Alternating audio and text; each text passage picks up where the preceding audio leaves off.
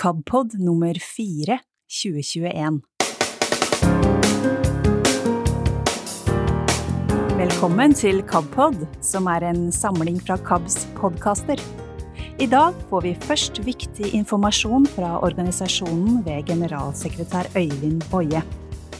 Så skal vi ha en forfatterprat med Sindre Skeie, som har skrevet Kirkeboka mi, som KAB lager fortellerversjon av. I podkasten Snakk om det tar Hilde Gromstad og Kristin Berg opp tanker rundt det å være til bry. I Synlige stemmer forteller Heidi Halvorsen om hvordan synstapet har påvirket troslivet. Magne Bjørndal har tanker om tro ut fra Salme 51. Før vi avslutter med klippstoff, kommer Kurt Ove Mæland med Blindebukk, som handler om synshemmede i arbeidslivet.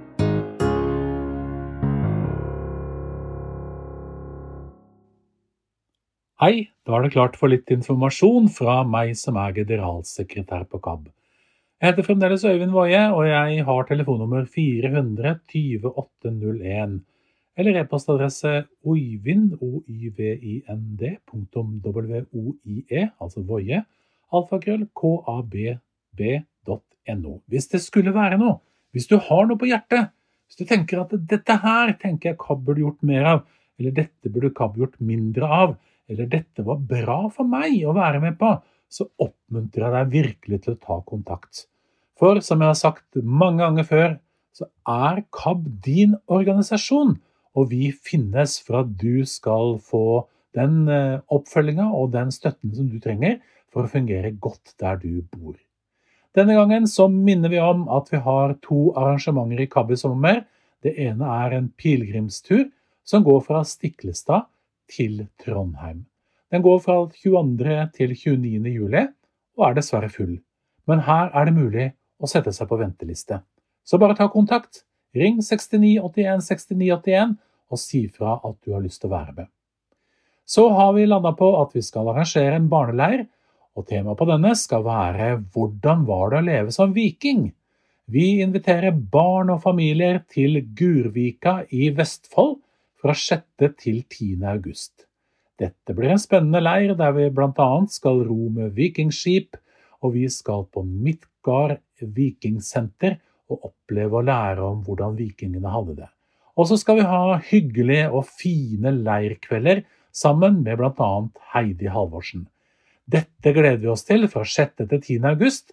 Kjenner du noen barn, noen familier som kunne tenke seg å kanskje ha muligheten til å være med på dette, så be dem ta kontakt med KAB. Litt utpå høsten så braker det løs med nordisk konferanse. Denne skal altså være på Ås stiftsgård, som ligger ikke så langt fra Uddevalla. Temaet på denne nordiske konferansen den er Min plass i kirken muligheter og utfordringer. Dette blir et spennende arrangement, hvor du kan treffe andre synshemmede fra hele Norden Knytte vennskap, lære om deg sjøl, dele av deg sjøl, og kanskje komme noen skritt videre på det å være aktiv i din menighet. Kanskje du har noen utfordringer som du har lyst til å dele med andre. Eller kanskje du har noen erfaringer om at du har fått til noe som andre kan lære av. Dette blir et spennende arrangement der vi bl.a. får besøk av Lena Maria Vendelius, som er en kristen artist som selv har en sterk funksjonsnedsettelse, og som skal være med oss en kveld og gi oss eh, inspirasjon og god sang og musikk. Vi skal gå litt pilegrimsvandring, og vi skal ikke minst ha fika både til morgen, middag og kvelds. Dette er jo tross alt Sverige. Det koster 3150 kroner for et dobbeltrom eh, med pensjon og 3800 for et enkeltrom på hotellstandard. Og På denne arrangementet så opererer vi også med en vandrerhjemstandard som er enklere og opptil firemannsrom da koster det 2550 eller 3200 for enkeltrom. Vi håper at du har lyst til å bli med, og at du melder deg på til KAB. Om ikke du har bestemt deg endelig for at du skal være med, så går det an å si at dette er jeg interessert i, men jeg vil avvente litt. Ta kontakt med oss og gi beskjed. Vi er på 69 81 69 81. Vi nærmer oss en sommer som vi ikke helt vet hvordan blir. Vi vet ennå ikke om koronaen gjør at disse arrangementene som jeg nå har nevnt, må utgå, men vi jobber aktivt og seriøst for å få dette til som arrangementer som er godt tilrettelagt. Men vi vet at det kan bli en sommer hvor folk er mye alene. Derfor så jobber vi nå med å planlegge flere nettmøter, kurs, digitale samlinger. Og syns du det er vanskelig å henge med på disse tingene, så vær så snill å ta kontakt.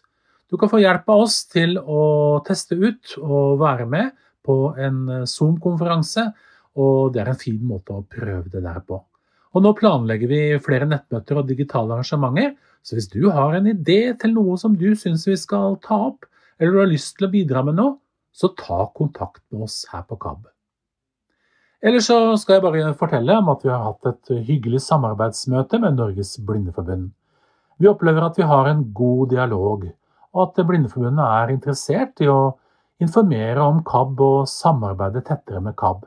Det er vi veldig takknemlige for. Det var hyggelig for oss å treffe Per Inge Bjerknes, som er den nye generalsekretæren, og høre litt om hvordan han tenker at vi kan bedre jobbe sammen. Så vi gleder oss virkelig over den gode dialogen vi har med Norges Blindeforbund. Til slutt så skal jeg minne om Snakk om det, som er en tjeneste der du kan eh, få en person å snakke med. Da må du ta kontakt med oss, og så kan du sette opp en time, og så vil eh, Hilde, som er diakon, ta kontakt med deg og avtale når og hvor dere skal snakke sammen. KAB-tilbudene de er til for deg. Bruk dem. Ta kontakt med oss hvis du har noe på hjertet. Ikke vær redd for det. Ha det riktig godt.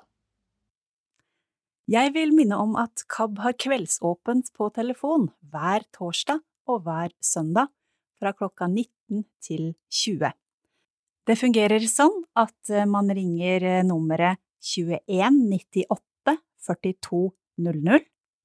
Så blir du bedt om en kode, og det er 6981 6981 og da er du inne i et rom der du kan snakke om hva som helst med KAB-folk.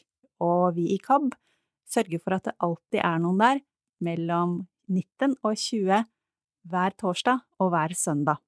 Så da er du velkommen til å prate om løst og fast i vårt kaffeslabberas. Sindre Skeie, velkommen til KABs lille forfatterprat. Tusen takk for det. Hyggelig å være her. Eh, først av alt så må vi prøve å bli litt bedre kjent med deg. Og um, det er nok mange som har hørt navnet Skeie i kirkelige sammenhenger. Mm, ja. Er du kjendis? eh, nei, men jeg er jo Altså, jeg er jo vokst opp i en familie hvor, hvor det i hvert fall er én som mange har hørt om. Så Eivind Skeie er jo faren min, og han er sånn forholdsvis kjent, i hvert fall i det kirkelige landskapet. Eh, så mye av dette med skriving og sånn er jo Hva skal vi si Noe som jeg kanskje ja, til en viss grad i hvert fall er blitt litt sosialisert inn i eh, hjemmefra. Eh, og så har jeg jo etter hvert skrevet en del ting selv. da. Noen, vært med på noen bøker og skrevet noen salmer og sanger og sånn. Og de, noen av de er jo blitt tatt i bruk rundt omkring. Hva driver du med nå? Hva jobber du med? Akkurat nå Eh, så holder jeg på med en doktorgrad som jeg tar ved VID på Diakonhjemmet.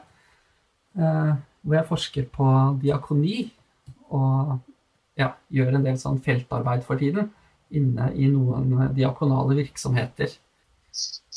Og så vet jeg at du har skrevet flere sanger, og mm. nå er det også kommet med Kirkeboka mi, en barnebok den, som brukes i Den norske kirke.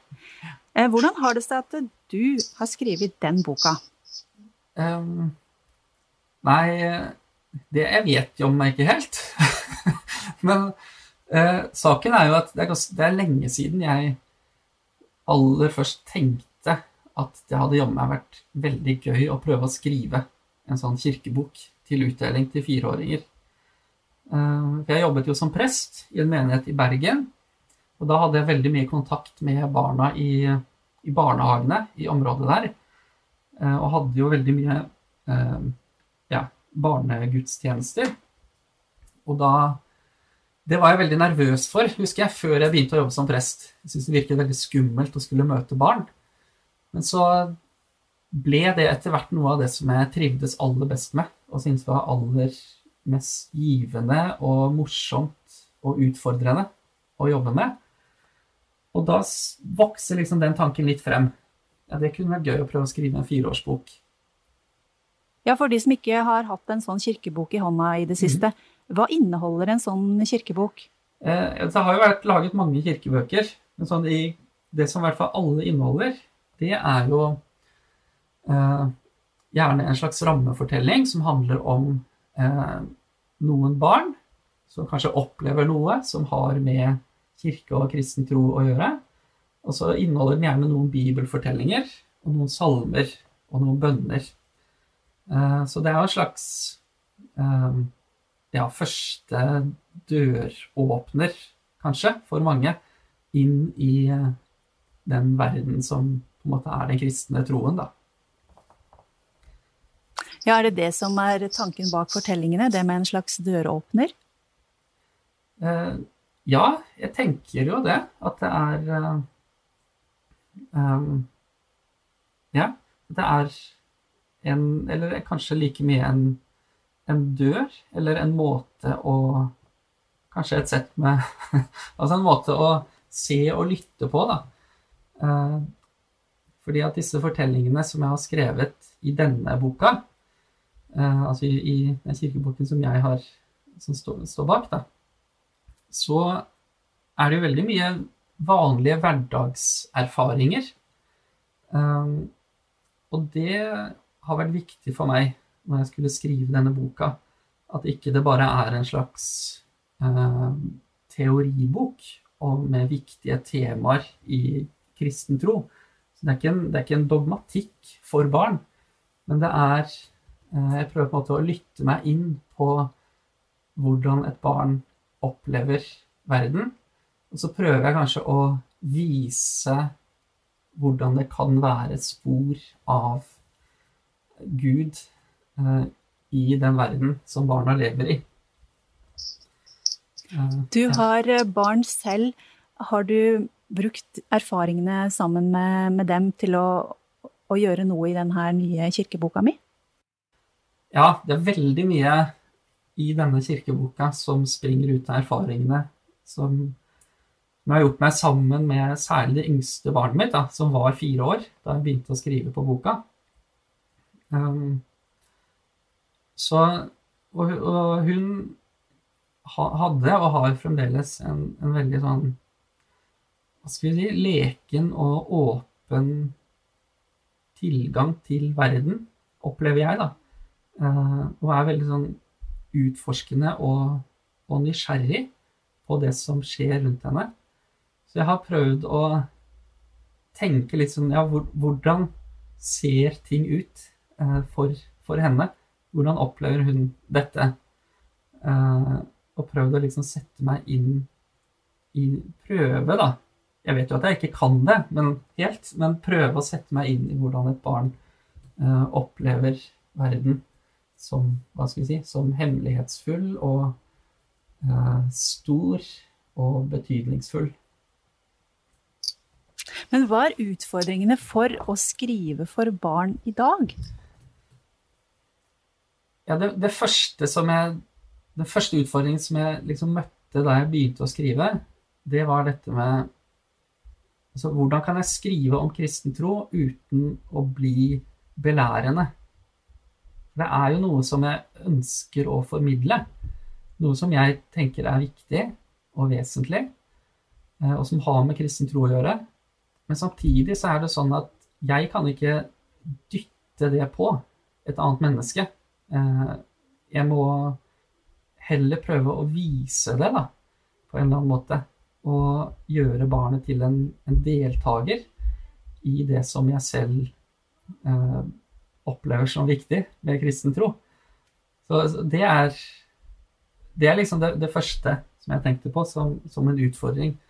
Å ikke, ikke, skrive en lærebok i kristen tro, men å skrive frem en verden som på en måte er båret oppe av en gud som vil oss noe godt. Uh, og det, det, må skje ikke bare gjennom å ramse opp en del trossetninger, men det må skje rett og slett ved at jeg skriver frem en verden som eh, ja, som trer frem på den måten for barna i fortellingen. Ja. KAB er jo opptatt av at eh, blinde, svaksynte og lesehemmede skal ha de samme gode tilbudene. Eh, og nå har KAB laga lydversjon av denne fireårsboka. Hva tenker du om det? Det ble jeg jo veldig Jeg ble litt rørt, faktisk, da jeg hørte det første gangen. Eh, at, ja, at KAB ville gjøre det. Ble veldig Ja, ble veldig takknemlig for at noen ville ta seg bryet med å gjøre det. Og så, for det gjør den jo tilgjengelig for enda flere. Eh, og samtidig så tenkte jeg jo Da jeg hørte det, så tenkte jeg Oi, dette er eh, Dette er noe som jeg ikke har tenkt nøye nok over i boka eh, da jeg skrev den.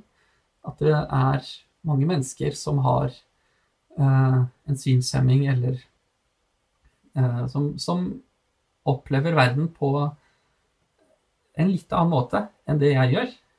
Og så har jeg kanskje tatt for gitt på en måte at litt at Ja, at kanskje at alle er som jeg, da. At, at alle er seende, på en måte. Så det fikk meg også til å Ja, det åpnet øynene mine litt for at Ja, men her er det noe som jeg Eh, ikke hadde helt tydelig nok for meg mens jeg jobbet med boka også. Eh, men nå har jeg fått høre, høre litt da, på det som er gjort. Og da Nei, det syns jeg var eh, Det var jo enda mer rørende enn bare å høre at den skulle lages. Fordi at jeg følte at det å høre boka ikke bare lest, men fremført på den måten som det er gjort nå, Eh, det, det, er akkurat som at de som har gjort dette, da, har virkelig lyttet seg inn i teksten og på en måte vært i den samme verden som jeg har prøvd å skrive frem. Eh, og hva skal vi si lar den verden vise seg i fremføringen. Så det var veldig sterkt å høre den, eh, å høre den Eh, den lydversjonen av boka, rett og slett. Jeg syns det er gjort veldig, veldig følsomt og fint. Med varme og humor. Litt humor må vi ha, vet du. Men, men hva syns du, hva betyr det at kirkeboka mi kommer på flere plattformer? Jeg tenker på dagens lese- og lyttevaner. Det har vel litt å si? Mm. Ja, eh, som Eh, som småbarnsfar gjennom mange år, så har jeg også sett, eh, sett hvor lett det er å bli distrahert for tiden, eh, både for barn og voksne, av alle mulige skjermer og forskjellige dingser og distraksjoner som vi omgir oss med.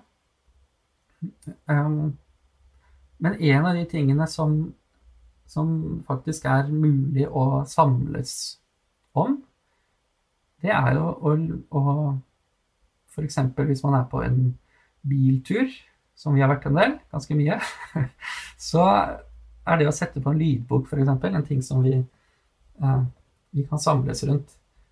Eller eh, Ja. Men ja, også dette med, med podkaster som er kommet eh, veldig sterkt inn som noe som mange bruker nå. Da. Og da tenker jeg at der er det en litt sånn spennende uh, fornyelse som skjer akkurat nå for tiden, av nettopp den Hva skal vi kalle det? Den, det at du kan sette på et lydopptak av noe på det tidspunktet du ønsker. Så at jeg tror at det, det gir en annen form for, uh, for fordypelse. Da. Det å lytte til noe.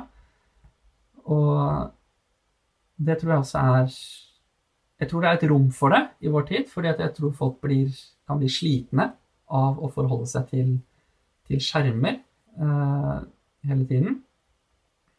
Og samtidig så tenker jeg at det å lytte, det er jo noe som vi er Hva skal vi si? uh, ja, som, som både synshemmede og seende kan være sammen om. Da. Og det syns jeg også er noe, noe, fint med. Og så tenker jeg at det, det, fører videre litt sånn en tradisjon med det å bli lest for av noen.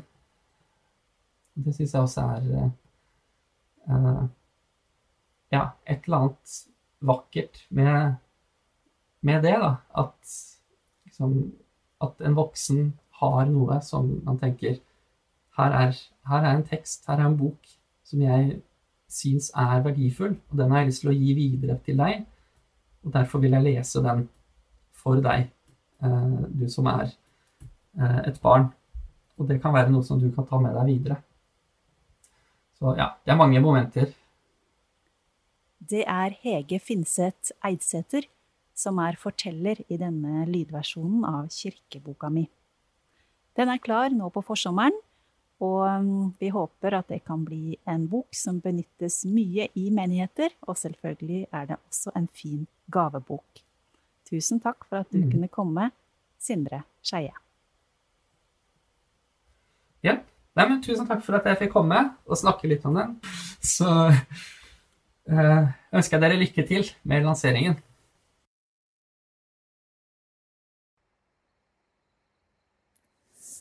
Da ønsker jeg deg velkommen til podkasten Snakk om det.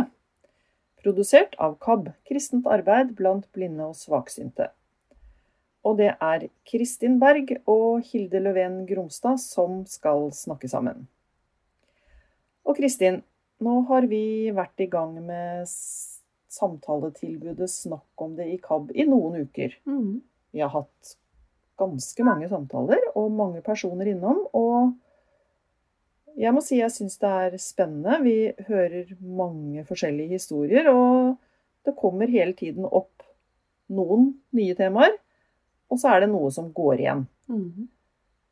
Og vi har snakka litt om et tema vi skal snakke om i dag. Men først, Kristin, hvordan syns du tilbudet vårt fungerer? Jeg syns, eh, jeg syns det er veldig spennende å være med på. Og så er det én ting jeg har tenkt litt på, det er at jeg tror noen tenker Har jeg noen grunn til å ringe hit? Er det liksom er det, Jeg er vant til å, vant til å klare meg sjøl, vant til å ordne opp i ting. Så har vi jo gitt en del eksempler Hilde, på sånne typiske ting som folk lurer på. Hvor, hvordan skal jeg finne fram på nye steder? Eh, er det noen som vil snakke med meg? Finner jeg fram? ja, og så alle disse tingene som skjer når vi er sammen. Når er det min tur?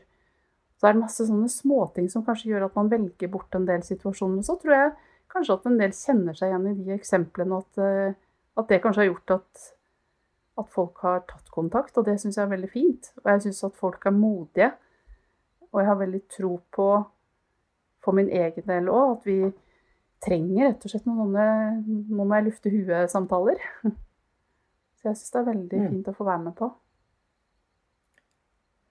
Og det er nok forskjell på hvor mye kontakt Noen har eh, kontakt med mange synshemma, andre har ikke det. Bor, bor på steder av landet hvor man, liksom, man er den eneste. Da. Så det å kunne få, få en prat eh, med noen som virkelig har kunnskap på området, og da snakker jeg om deg, Kristin, mm. Eh, jeg tror mange kan kjenne på det som sånn åh, det er godt å få lufte ut litt. Og eh, snakke om ting som det er vanskelig å snakke med andre om. Ikke fordi det nødvendigvis er så vanskelig å snakke om det, men fordi man kan kjenne litt på at nei, de skjønner ikke helt hvordan det er for meg. Mm. Så i dag har vi et tema som vi hører kan være en gjenganger, og det er den opplevelsen av å kjenne at man er til bry. At man har en opplevelse av at, at nei, åh, nå er det meg igjen som, som må ha noe tilrettelegging eller hjelp, og, og den der følelsen av å, å være til bry. Og, og, det er noen som tenker at jeg må bare løse ting sånn at jeg blir mest, minst mulig til bry for andre. Eh, det har vi snakka mye om, Kristin. Og hva tenker du om det? Er det en følelse du kan forstå? Eh, det er i hvert fall en følelse jeg kan kjenne veldig igjen. Og så tror jeg veldig mange eh, har lett for når man ikke er i situasjonen selv, så har man lett for å tenke ja, men det er jo bare å si ifra. Folk er jo stort sett hyggelige. Ja, men uh, allikevel så er det mange ting som gjør at vi i grunnen ikke ønsker å be så veldig mye om hjelp. Eller være til bry, eller uh, gjøre ting på en annen måte. Vi vil jo være som flokken. Og det tror jeg ikke handler noe om syn eh, i og for seg. For jeg tenker, hva, hva med deg, Hilde? Syns du det er alltid lett å be om hjelp? Mm, nei.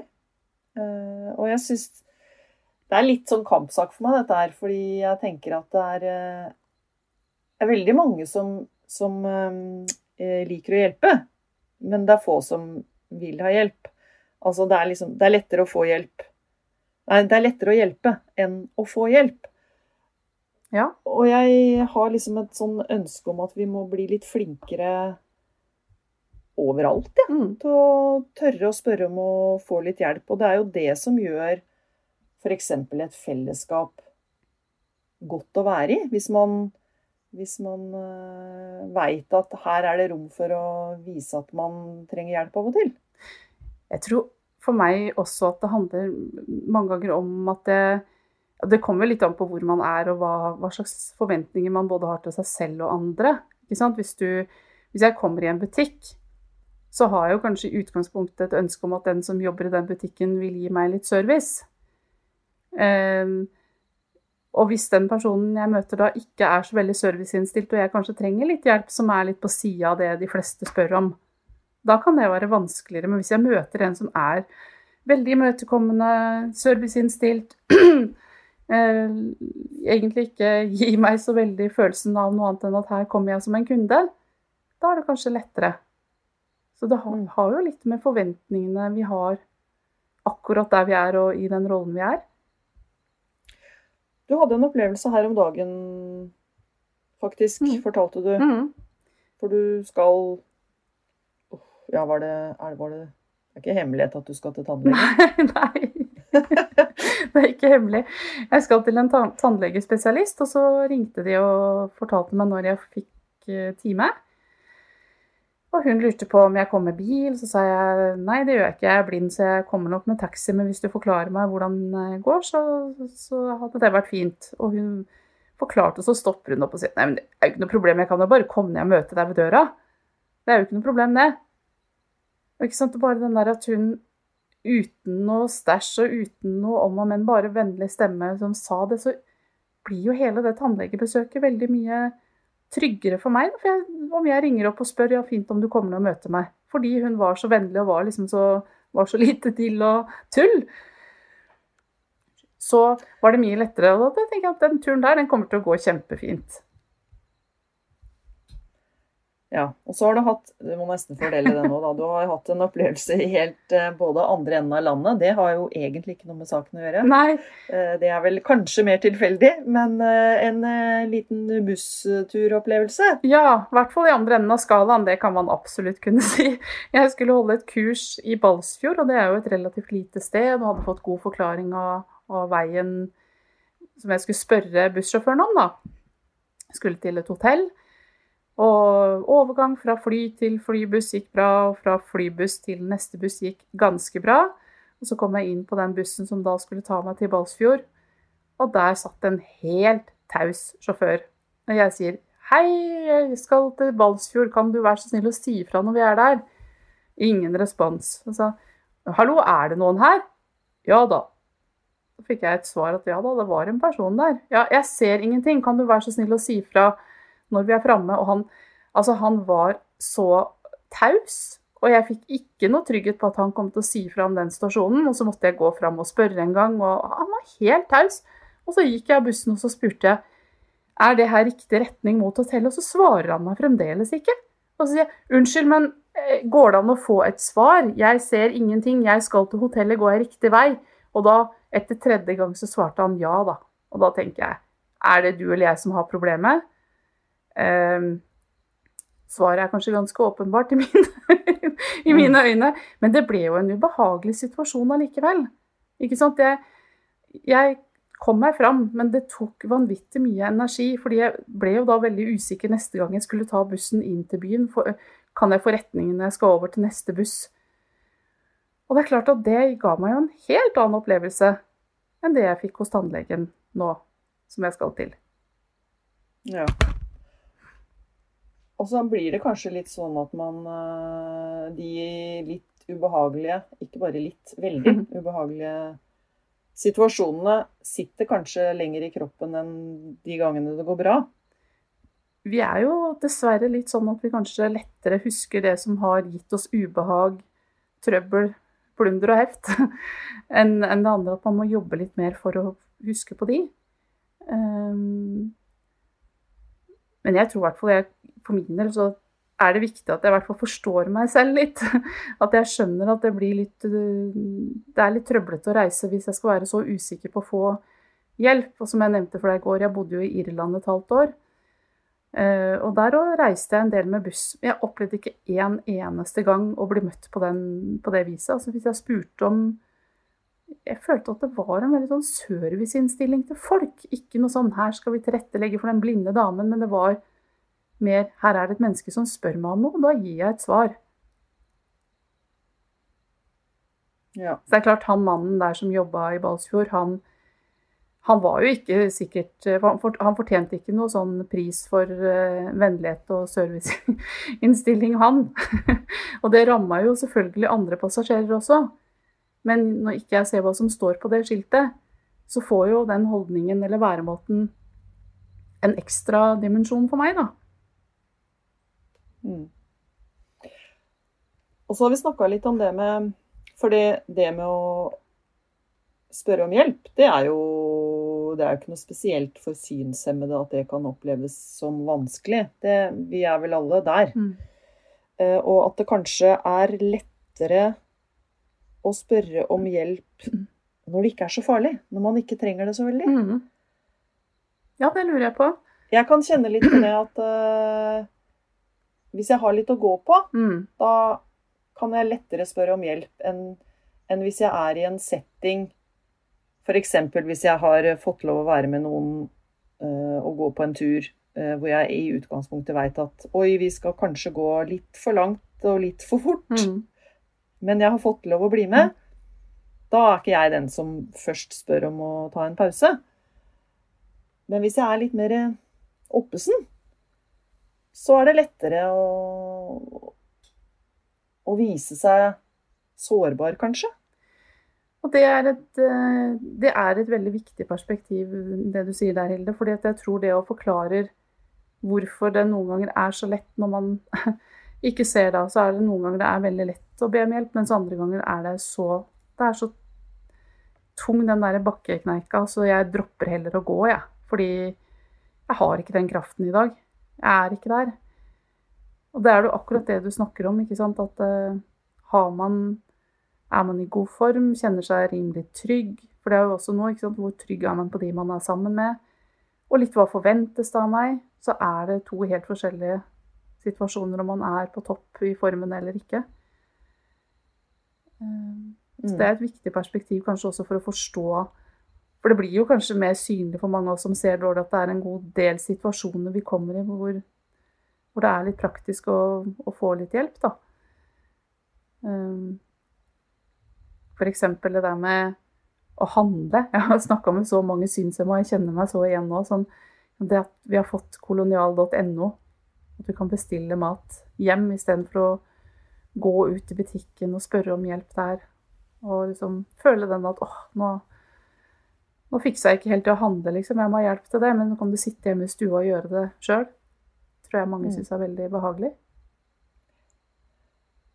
Og man kan jo kanskje risikere å få den litt i fleisen òg, hvis du går i en butikk, i en matbutikk og vil ha hjelp. Så du kan jo bare bestille hjemmefra, da. Jeg vet ikke. Det ville jo vært toppen av alt. Ja, det kan, det kan godt hende, men eh, jeg vet i hvert fall at det er mange synshemma som ordner dette på forskjellig vis. da. Om man bor alene, så er det noen som kanskje gjør en avtale med lokalbutikken, mens andre syns at det er helt umulig. Og da er det jo veldig lett for de som har fått til den avtalen. Ja, men jeg fikk til det, så det er bare å snakke med butikksjefen. Men vi, vi har jo motstand på forskjellige ting. Og det tenker jeg Det er ikke alltid vi syn som heller er så rause med hverandre til å huske på at vi er også bygd opp helt forskjellig. og noen syns at én ting er enkelt og har funnet en løsning på det, mens andre kan det være en litt sånn uovervinnelig eh, bakket opp å komme over, da. Det, men det er litt sånn hvorfor, hvorfor Hva er det det dypest sett handler om at vi, at vi er så redde for å være til bry? Hva tror du det handler om, Hilde?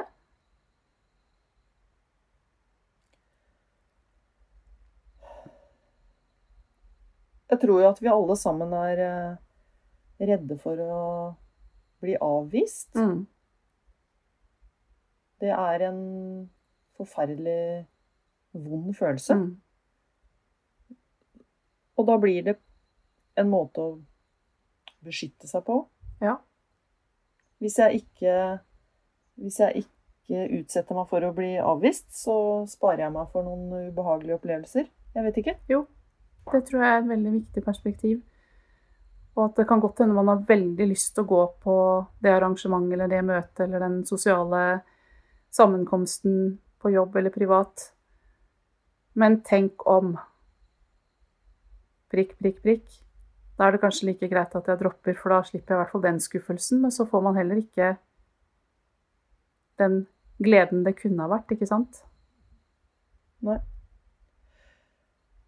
Og vi har jo, eh, har jo vært i KAB noen år nå og snakker jo med veldig mange forskjellige folk. Eh, og har jo også et inntrykk av at eh, Og det er jo også fordi vi har snakka med noen som går i kirken.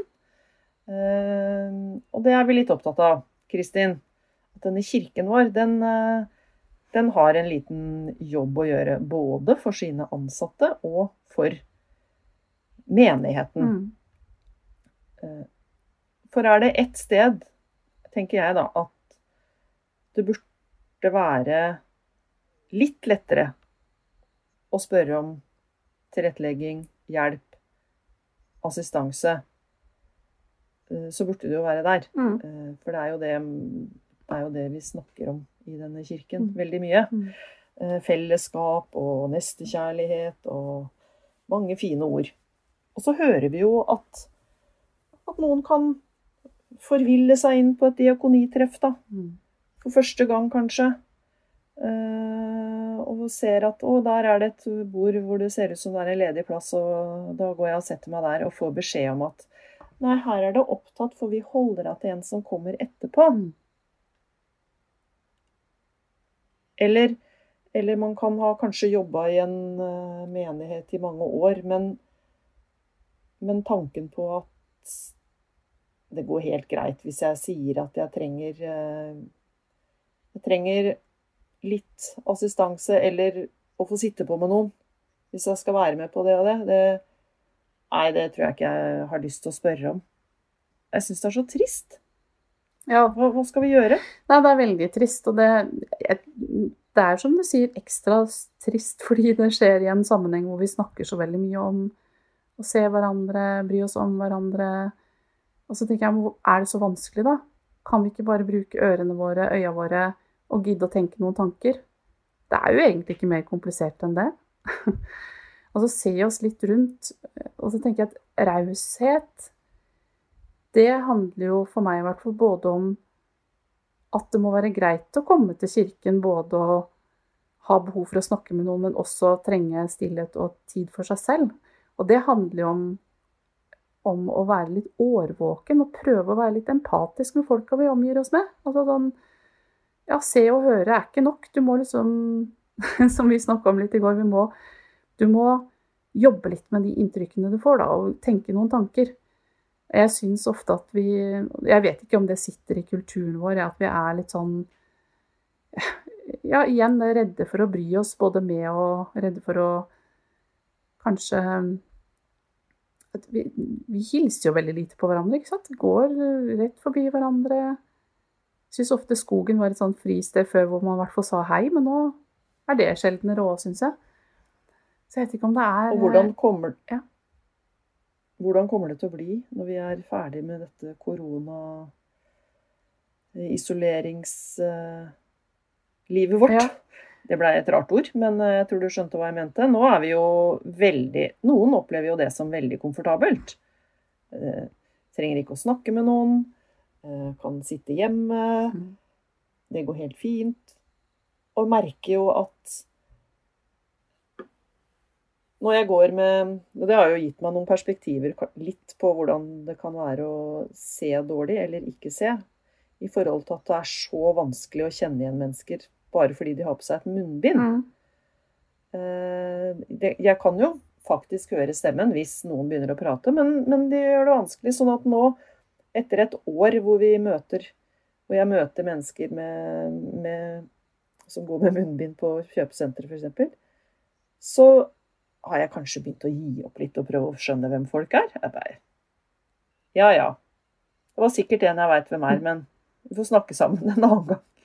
Og jeg, lurer, jeg er veldig spent ja, på hvordan dette kommer til å bli. Det blir spennende å se.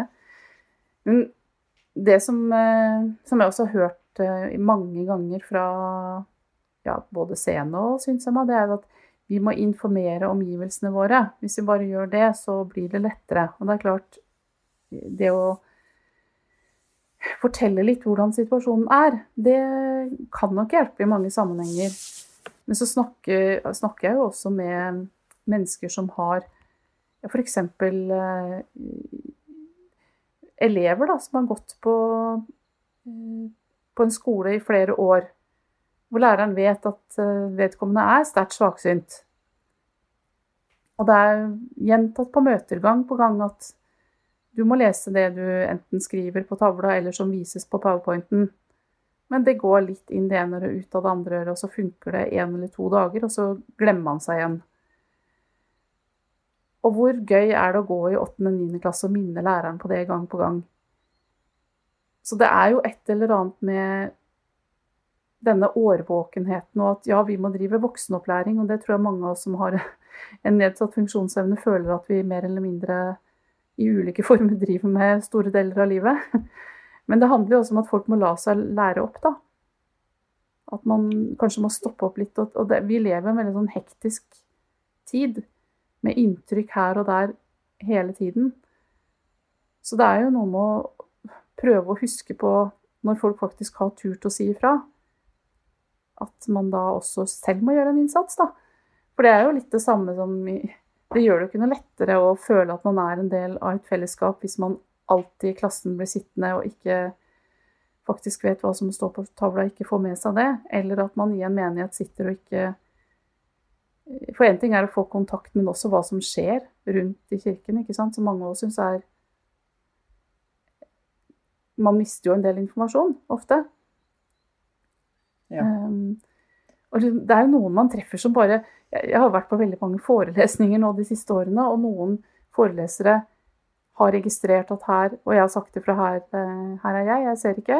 eh, Fint hvis du husker å lese opp. Og så er det noen som eh, gjør det helt automatisk, uten å si det tre ganger i løpet av en forelesning. 'Å ja, så måtte jeg vel lese for deg.' Ja, sånn var det. Altså, ja, så var det visst den her som trengte at, eh, at jeg leste opp.' Noen så noen har jo en gave i å skjønne at ok, jeg bare gjør det uten noe mer om og men. Og det gjør det i neste omgang også lettere for meg å si ifra.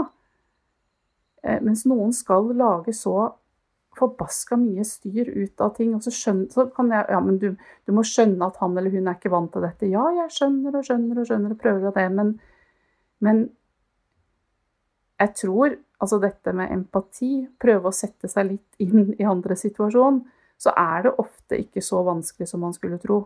Det handler eh, om ganske overkommelige ting.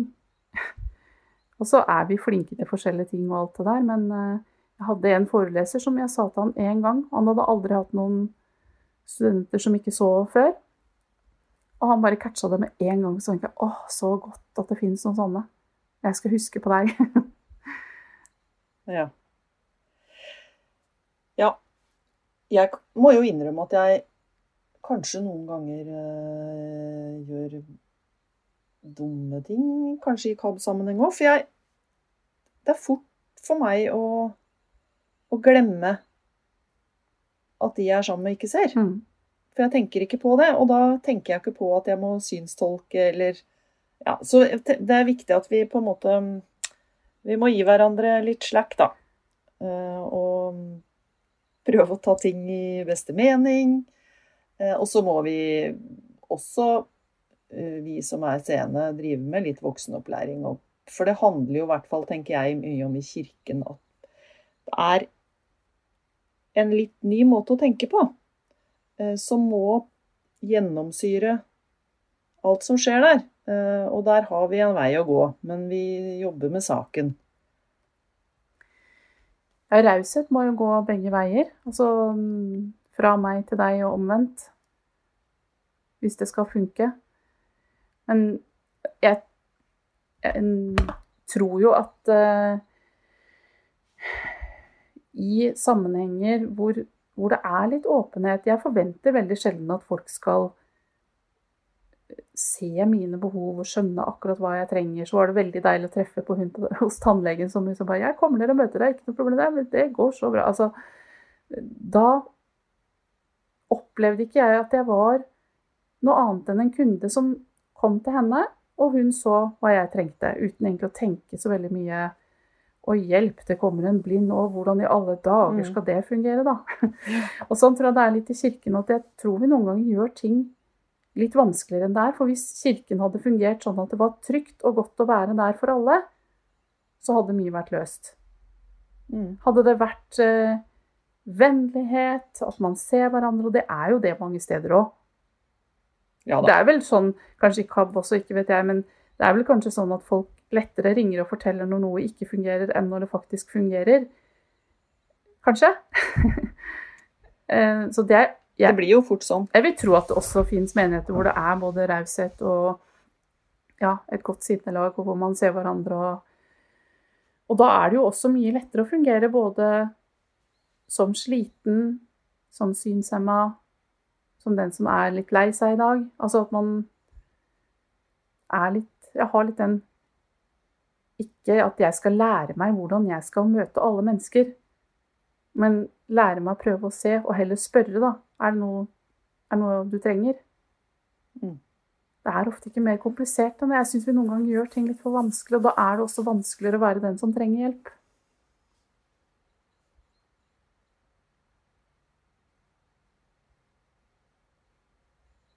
Nå ble det stille. Men det er jo ikke noe. Og jeg tror vi skal begynne å avslutte denne episoden.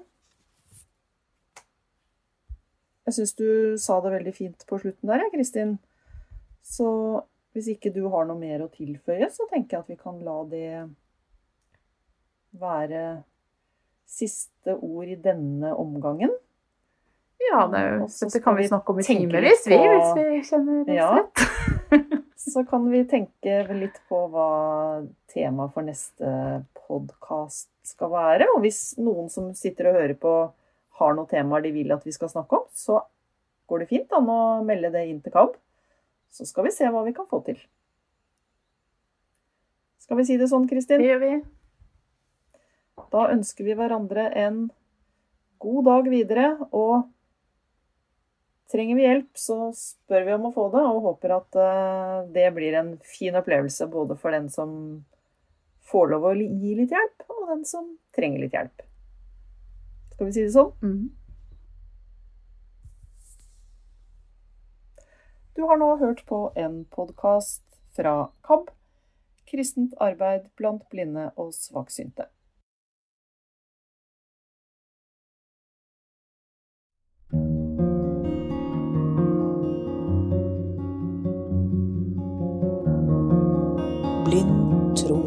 Av Heidi Halvorsen. Å miste synet har endret livet mitt, også kristenlivet.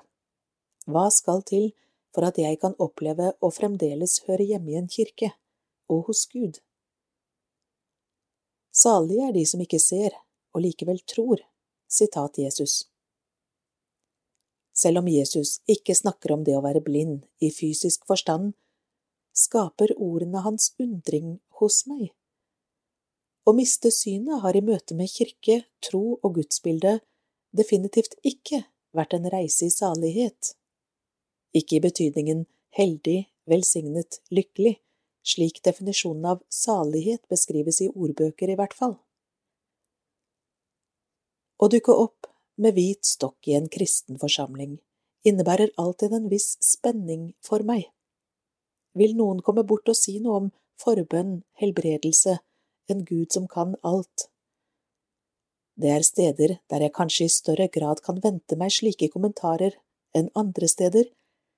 Likevel har jeg blitt overrumplet tilstrekkelig mange ganger til at jeg ikke tar noe for gitt.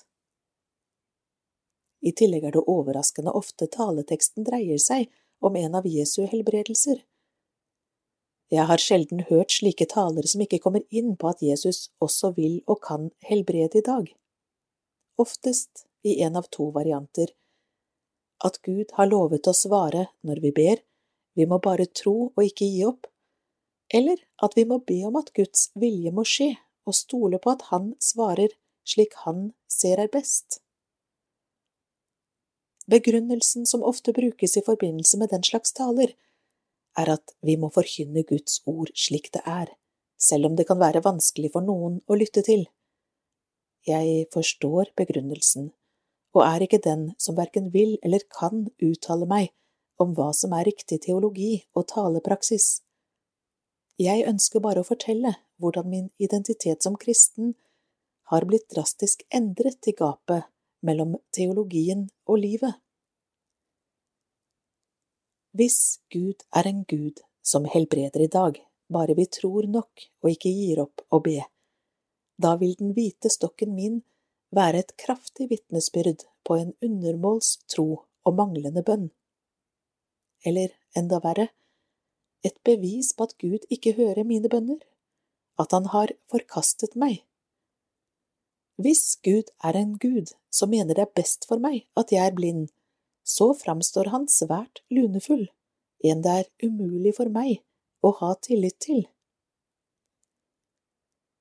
På en måte har jeg blitt tvunget til å se en annen vei enn disse gudsbildebeskrivelsene. Hvis jeg fremdeles skal ha en plass hos Gud, noe jeg både vil og håper jeg har, må Han være annerledes.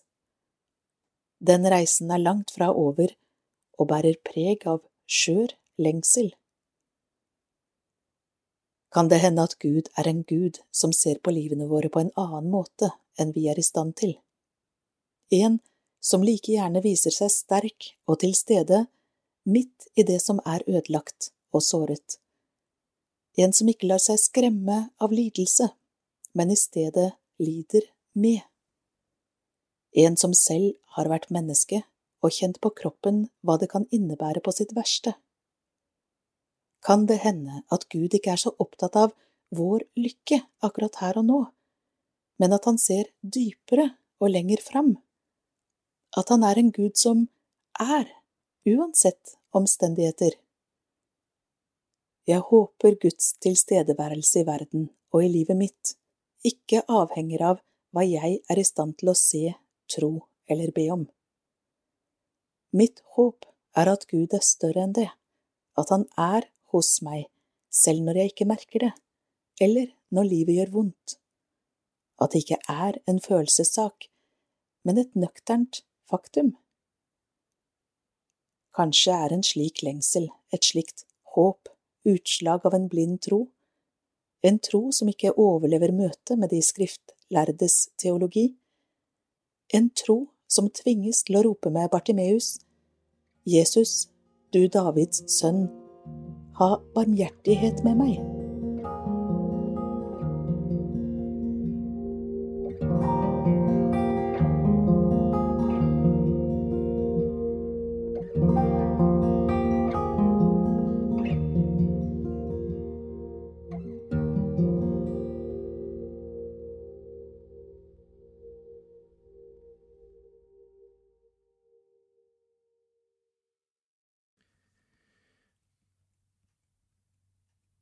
Vel møtt til et nytt innslag i serien med trustanker som har utgangspunkt i Bibelens salmebok.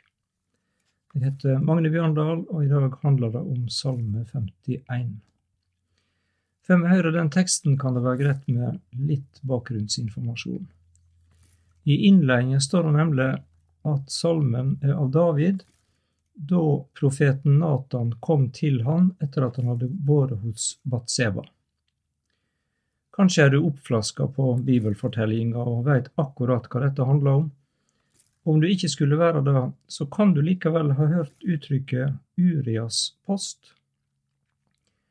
Når jeg gjør dette opptaket i pandemiens tid, så kan vi tenke på Bent Høie eller Erna Solberg for å illustrere hva en Urias post er. De er hele tida i rampelyset og møter kritikk, samme hva de gjør eller ikke gjør. Let de oss forsamlast for mange og reise for fritt, så vert det gale, og strammer de for mykje til, vert det gale, da òg. Uriasposten har den som står fremst i krigen, om ikke nødvendigvis i bokstavelig forstand. Uria sjøl, som altså har gitt opphav til uttrykket, var en soldat som sto fremst på slagmarka fordi kong David hadde gitt ordre om at han skulle plasseres der. Han ble drepen av eh, fienden, akkurat slik kongen hadde planlagt. Den planen var lagt som en dekkoperasjon etter at David hadde forgrepet seg på kona til Uria og gjort henne gravid. Dette er det fortalt om i andre Samuels bok, kapittel 11 og 12. Vi tar med oss noen vers om det som hendte da profeten Natan konfronterte kongen. Han sa:" Det bodde to menn i en by. Den ene var rik, og den andre fattig. Den rike hadde småfe og storfe i mengd. Den fattige eide ikke annet enn eit eneste lite holam som han hadde kjøpt. Han alte det opp, og det vokste til sammen med barna hans, åt av brødet hans, drakk av vegeret hans, låg i fanget hans og var som ei dotter for han. En dag kom det en færomann til den rike. Men han kvidde seg for å ta noe av sitt eget småfe eller storfe og lage til for gjesten. Han tok lammet den fattige, som den fattige eide, og laga det til for mannen som var kommet. Da ble David brennende harm på mannen, og han sa til Natan, så sant Herren lever, den mannen som har gjort dette skal dø, og han skal betale firedobbelt for lammet fordi han gjorde dette og var så hjarteløs. Da sa Natan til David, du er mannen. David forstår at det som han har gjort, like klanderverdig som da den rike i Natans fortelling gjorde mot han som hadde det ene lammet. Salme 51 er nokså lang, så vi leser vers 1 15. Vær meg nådig, Gud, i din kjærleik Stryk ut mitt bråt i de store miskunn. Vask meg rein for skyld, og reins meg for mi synd. For mine bråt kjenner eg, mi synd står alltid for meg. Mot deg åleine har eg synda, det som er vondt i dine auge har eg gjort. Difor har du rett når du taler, du er rein når du feller dom. Ja, med skuld vart eg fødd, med synd vart eg til i mors liv. Sjå, du gleder deg over sanning i mitt indre. Du lærer meg visdom i det løgnde. Ta bort mi synd med isopp, så eg blir rein. Vask meg, så eg blir kvitere enn snø. Lat meg få oppleve fryd og glede. Lat beina du knuste få jubla. Løgn ditt andlet for mine synder. Stryk ut all mitt skyld. Gud, skap i meg eit reint hjarte. Gjev meg ei ny og stødig ånd. Driv meg ikke bort fra ditt andlet. ta ikke fra meg din heilage ande. Gjev meg atter gleda over di frelse. Hald meg oppe med ei villig ånd. Eg vil læra brotsmenn dine vegar, syndarar skal vende om til deg.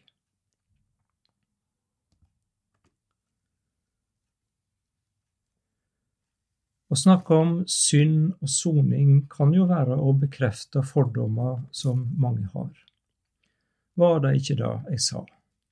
At i kristne sammenhenger der er en mest opptekne av å holde folk nede, fange dem og holde dem fast i forestillinga om alt som er farlig og som de må holde seg unna, i stedet for å sette dem fri og løfte dem opp og fram. Det er ingen tvil om at det gjennom tidene har vært snakka om synd på måter som har skapt angst og fortviling, heller enn å reise opp og sette fri. En har skremt og truga i stedet for å løfte fram det verdifulle i å erkjenne og få tilgivning. For det er ingen tvil om at det å være ærlig, sier det som det er, det kan sette fri og skape vekst. Måten ei slik erkjenning kommer til uttrykk på, vil variere, og her trenger vi ikke å lage en mal som alle skal passe inn i. Én måte kan være gjennom skriftemålet. Det kjenner vi kanskje best fra katolske kirker, med egne skriftestoler der prestene tar imot skriftemål og tilsier synsforlating på Guds vegne. Men vi som ikke er katolikker, kan òg gå til Skriftet, enten i en gudstjeneste der det er lagt til rette for det, eller ved å gå til en medkristen som vi har tillit til og som har teieplikt, setter ord på det gale vi har gjort, og få tilsagt alle våre synders nådige forlating i den treenige Guds navn. Enten det nå går føre seg på den ene eller den andre måten, så skjer ikke synstilgjevinga i et tomrom. Den er ikke det samme som å feie under teppet eller si at det var vel ikke så farlig. For det å krenke andre mennesker og gjøre urett mot dem, det er farlig. Gud stiller seg ikke likegyldig når vi gjør noe som bryter med Hans vilje, og som skader skaperverket hans. Gud tar det på ramme alvor. Det viste han da Jesus døde på krossen. Som Paulus skriver, skuldbrevet mot oss sletta han, det som var skrevet med lovbrudd. Han tok det bort fra oss da han nagla det til krossen. Så har vi med en Gud å gjøre som ikke ser gjennom fingrene og bagatelliserer ikke glatter over eller sier at det får gå for denne gangen. Det er Gud for glad i oss, og for glad i alle medskapningene våre. Vi har med en Gud å gjøre som kjenner oss og veit alt om oss, men som likevel, for Kristi skyld, møter oss med tilgjeving og en ny start. Vi har med en Gud å gjøre som viser oss nåde og nåde, det er visst virkelig noe vi har bruk for. Vi trenger Guds nåde, og vi trenger å vise nåde mot andre, og mot oss sjøl. Det som skulle være utenkt og usagt og ugjort, må løftes fram og komme på bordet, men så må vi òg la det ligge, og ikke gå omkring og gnage på det i all framtid. På ny og på ny trenger vi å be med salmisten. Vær meg nådig, Gud, i din kjærleik. Stryk ut mitt bråt i de store miskunn. Vask meg rein for skyld, og reins meg for min synd. Amen. Hallo, du. Ja, nå hører du på en ny episode av Blindebukk som er produsert for KAB av meg, Kurt Ove Mæland. Jeg har gjort en del prioriteringer i hverdagen min som gjør at jeg føler at jeg får til å fylle dagen min med gode ting. Ja, dette er viktig, nemlig det å skape seg en eh, meningsfull hverdag, enten man jobber eller ikke. I denne podkasten så skal du få møte Tone Mathisen og Kristoffer Lium. Det er faktisk så viktig tema dette her, syns vi i KAB, at vi skal i tillegg til nok en podkast som dette er i forhold til dette temaet, så skal vi ha et nettmøte den 28. april. Så heng med, så blir det mye spennende diskusjoner og temaer rundt dette. Og være i arbeid eller ikke være i arbeid. Tone Mathisen hun er en hardt arbeidende, ikke arbeidende kvinne. Da hun innså at jobb det kom hun ikke til å få, så tok hun virkelig tak i hverdagen for å gjøre den til noe bedre. Jeg har uh, valgt meg hobbyer som tar en god del krefter og tid. Og så har jeg valgt å, å legge fokus på å rett og slett gjøre ting som gir meg glede. Da jeg hadde konstatert at jeg ikke kom ut i arbeid og på en måte fått svelga den første skuffelsen av det. For det er klart det er en prosess, det også. Så tenkte jeg at sånn kan jeg ikke ha det. Jeg kan ikke gå rundt og bare være lei meg fordi jeg ikke jobber sånn som jeg hadde hatt håp om å tro på. Jeg må faktisk bruke hodet mitt til noe. Jeg må lære meg noe. Så jeg valgte da å eh, bestemme meg for å lese én fagbok hver måned. Heldigvis så har vi jo NLB og biblioteksmuligheter med lydbøker. Så jeg valgte meg ut et tema som jeg begynte på. Jeg mener at jeg begynte på historie.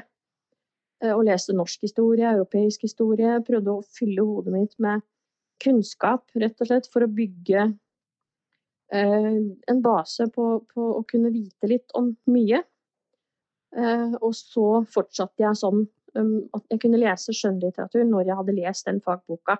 Så hver første i en måned så bestemte jeg meg for et tema. Eller fortsatte på noe hvis det var et tema jeg var i gang med. Og så fortsatte jeg sånn til jeg hadde på en måte opparbeida en interesse for å lære. Og I tillegg så hørte jeg veldig mye eh, radio den gangen, da. Uh, i forhold til, og bøker i forhold til å utvide språkkunnskapen min til å bli bedre i å forstå engelsk. Uh, jeg hadde skoleengelsk, og jeg hadde vært interessert i språk, men, men, eh, jeg følte at jeg ville forstå bedre.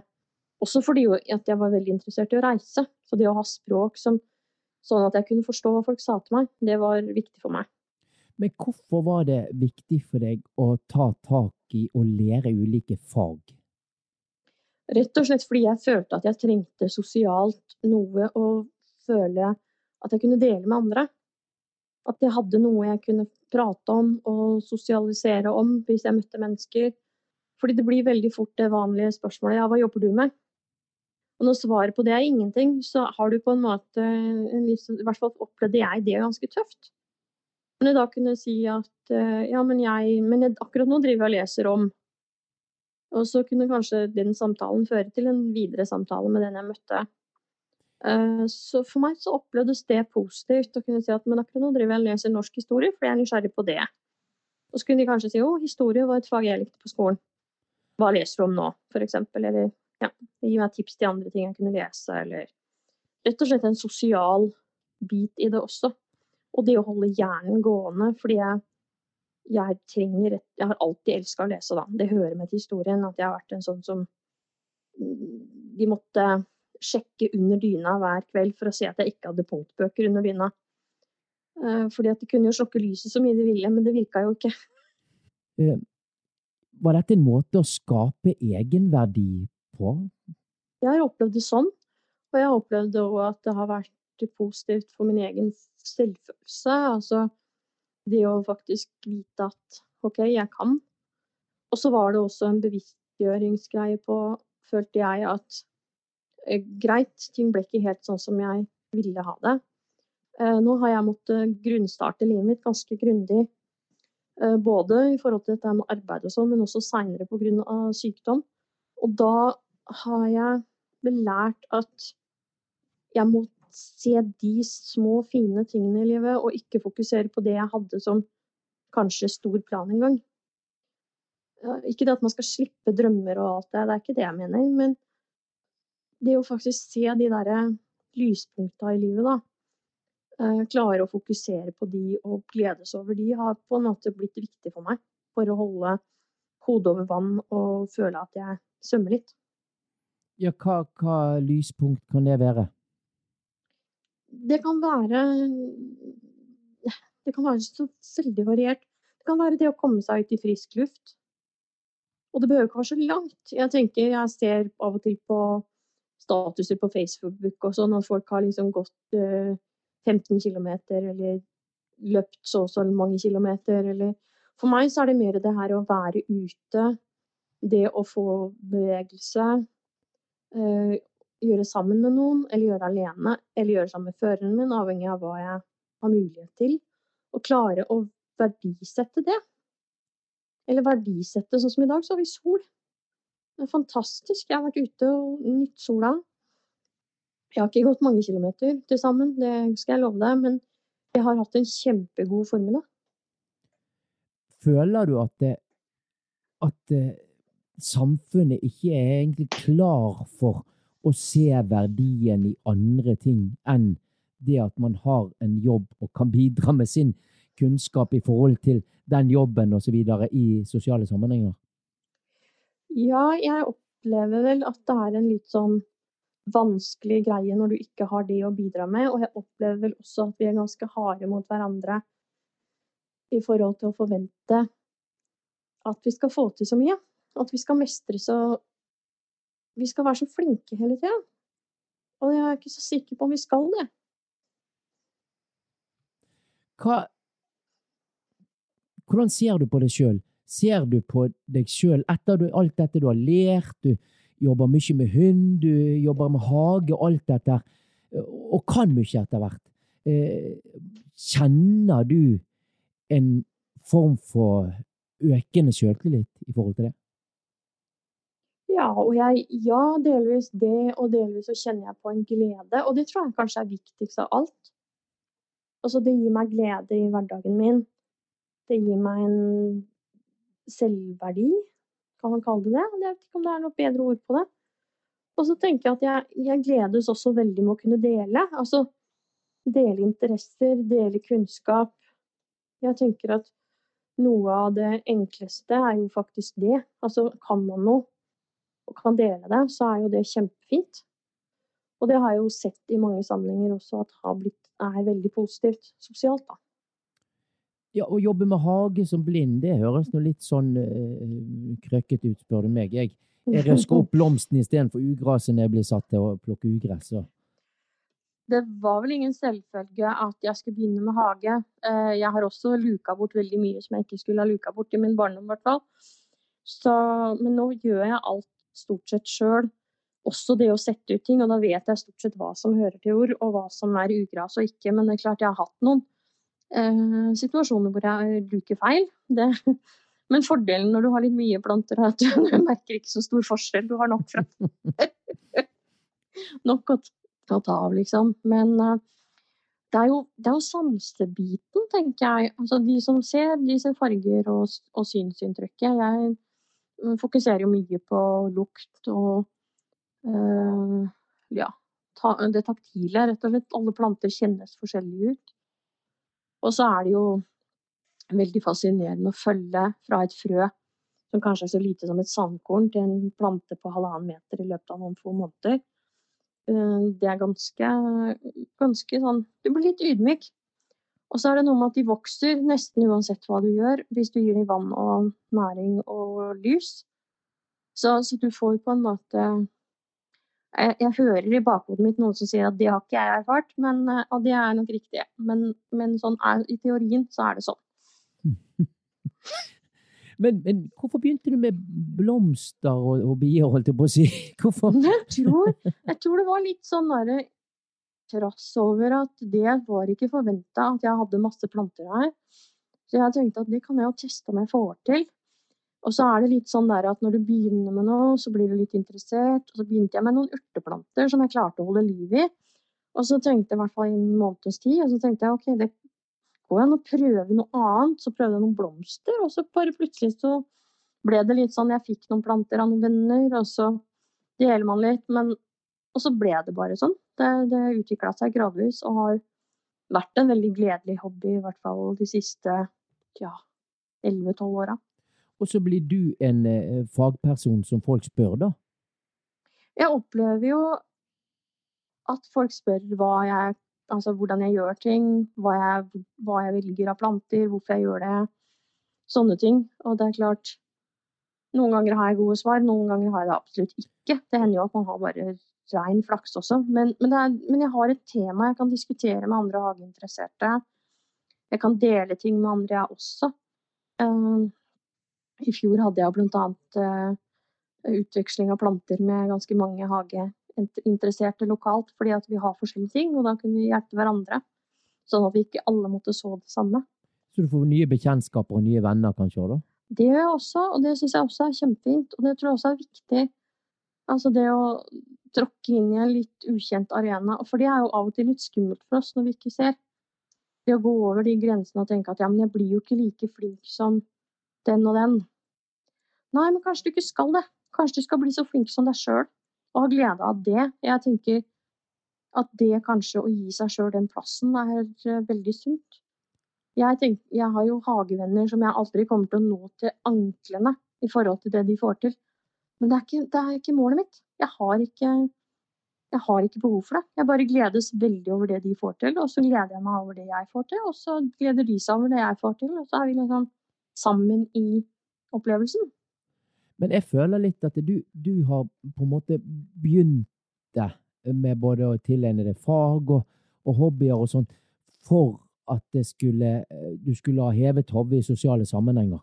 Men nå er det rett og slett eh, det gode, det gode lyset, drivkraften i hverdagen. Meningsfulle. Ja. Ja, det har på en måte blitt sånn. Og jeg tenker at nå er jeg tryggere i meg sjøl. Det har gått noen år siden jeg forrige gang eh, kom på jobbmarkedet. Jeg har på en måte falt til ro i rollen min. Har vært nødt til det også, fordi at helsa ikke har vært god. Sånn at jeg har vært nødt til å finne ut hvem jeg er og hvor jeg skal være. Uh, og har det vel greit med det. Altså, jeg sier ikke at jeg ikke ville ha jobba, fordi jeg har ressurser jeg gjerne ville ha brukt. Men, men, jeg bruker de på en måte som gjør at jeg i hvert fall kjenner på glede over det, da.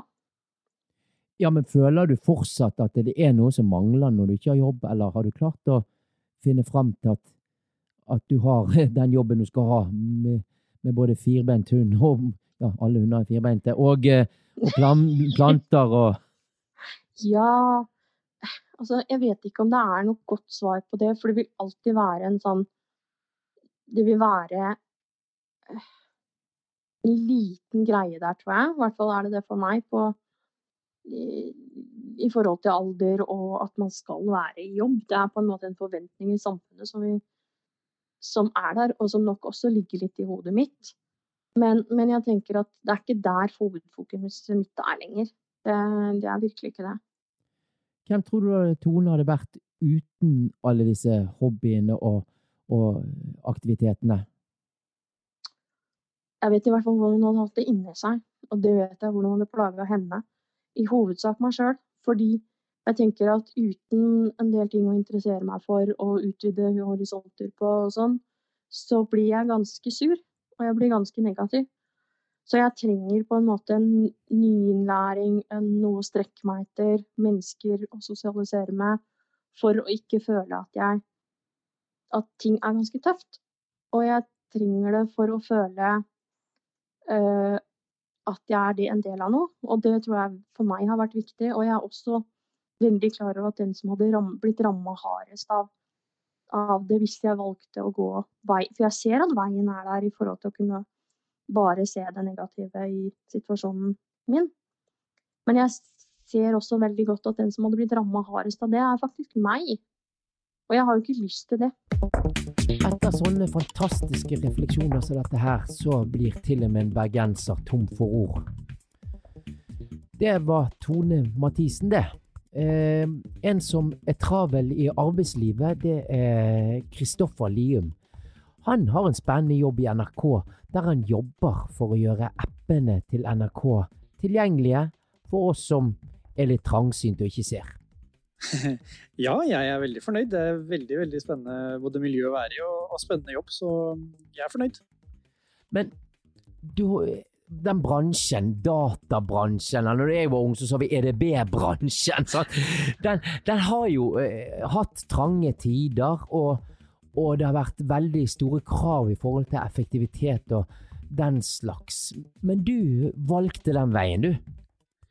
Ja, jeg gjorde det. Det var jo bl.a. av interesse selvfølgelig for data. Jeg har alltid syntes det har vært spennende. Eh, men også at jeg så at det var en bransje hvor jeg jeg ville tro da at det kanskje var en plass til meg i, eh, og at jeg kanskje kunne være en eh, ja, få en karriere innenfor den bransjen, at jeg hadde tro på det sjøl. Så det var en sånn kombinasjon av både realisme i det for å få en jobb, og hva jeg trodde selv jeg kunne Eller hva jeg hadde lyst til, da. Men jeg hører en, en, kar som behersker data til fulle og er blind og greier og greier. Da tenker jeg litt sånn eh, Supermann som bare går eh, rett gjennom uten å se et eneste problem. Og det var definitivt ikke det, og det er veldig bra du sier det, for det pleier jeg å prøve å huske på å nevne at det er, eh, det er mange ting jeg må ha jobba ganske hardt for å få til. Jeg holdt nesten på å gi opp i starten på, på studiet. Da var jeg ganske fortvila, for det var rett og slett tungt å skulle komme gjennom og, og og skjønne hvordan jeg skulle klare å finne ut av det her. Eh, for det var ganske lite hjelp å få, egentlig. Og det er veldig få andre rundt meg som jeg kjente til som hadde gått IT, og som var så så dårlig som det jeg gjorde. Eh, så det var veldig krevende. Og underveis i hele studiet så var det noen ting syns jeg gikk veldig fint. Altså det, det, var noen fag som eh, på en måte jeg fikk toppkarakter, og syntes ikke det var så slitsomt å få å klare å oppnå det. Mens andre fag som jeg måtte jobbe masse og også få ekstra hjelp av både skolen og, og litt Nav-insentiver for å klare å komme innom faga. Så det er, liksom, det er veldig varierende hva som funka og ikke funka, men, øh, men jeg klarte å komme gjennom det. Og det, det, tror jeg er avgjørende for den jobben jeg har fått nå. Jeg hadde ikke fått det hvis ikke jeg hadde klart det. Så det her viser iallfall at det, det nytta å stå og kjempe og prøve å, å få gjort ferdig bæsjeren. Har du tenkt på det at du ikke vil være til belastning for det at de har ansatt deg, og da skal de si at de har gjort en riktig ting, på en måte, selv om du er blind? At du vil overbevise sånn?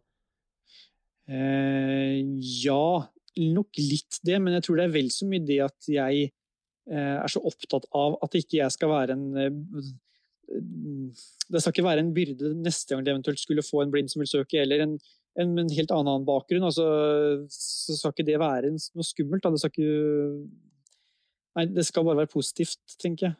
Men tenker du på at du må overprestere, sånn at du er veldig sliten og sånn til ferie? At du, at du tar litt ekstra hele tiden for å vise? Nei, det tror jeg ikke jeg gjør i det hele tatt, egentlig. Jeg tror det er samvittighetsfull jobber sånn sett, men jeg tror ikke jeg ville brukt noe mer energi om jeg hadde sett, nei.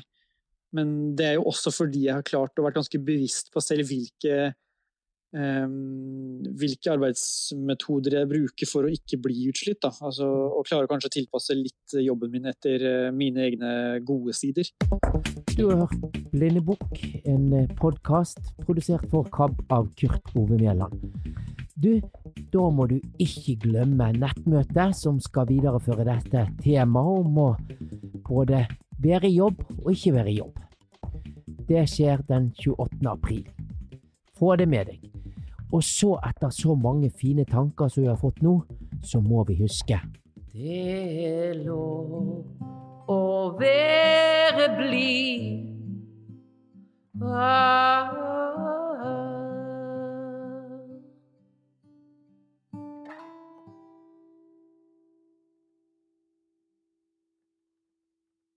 Vi er kommet fram til klippstoff i Kabpod for denne gang og vi har fire saker hentet fra forskjellige blader. Nummer én er fra Utsyn, nummer to Krigsropet, nummer tre Agenda 316 og nummer fire er en andakt fra Krigsropet. Da vil jeg si takk for nå, og mitt navn er Kari Underland. Misjonspuls Den akademiske misjonsmarken av Åse Victoria Vangen Antallet kristne er antagelig færre på universiteter og høyskoler enn andre steder i samfunnet. Hva betyr det for kristne akademikere? Mange ateister hevder at kristendommen er både uintelligent og moralsk forkastelig, og bruker både retorikk og sarkasme for å forkynne budskapet om at vitenskapen peker mot ateisme, mens religion sinker utviklingen. er det en latent frykt hos kristne for å bli oppfattet som uintelligent i akademiske miljøer. Tro i akademia Rebecca McLaughlin nevner i boken Confronting Christianity en studie fra USA som viste at 34% av vitenskapsprofessorer på eliteuniversiteter sier at de ikke tror på Gud, mens 2% av den generelle populasjonen sier det samme. Hun spør derfor om utdannelse og kunnskap øker sjansen for at man mister troen på Gud, men kommer frem til at det er vesentlig å skille mellom korrelasjon og kausalitet. Forskere kan trekke feilaktige konklusjoner fra statistikk ved å tolke at det er årsak-virkningssammenheng der to variabler henger sammen av andre grunner. Mange har arvet sin agnostiske eller ateistiske tro og har ikke forlatt troen på grunn av vitenskapen. Torstein Tollefsen, professor i filosofi ved Universitetet i Oslo, opplever det ikke problematisk å være åpen om sin ortodokse kristne tro i det akademiske miljøet. På mitt institutt er det forventet at du skal kunne snakke om, argumentere for og reflektere rundt tro og gudsbegrepet, enten du er religiøs eller ikke. Han forteller at religionsfiendtlighet og respektløse holdninger heller kommer fra populærkultur enn akademiske miljøer. I media og det offentlige rom kan ofte tro og religiøsitet fremstilles dumt og tilbakestående.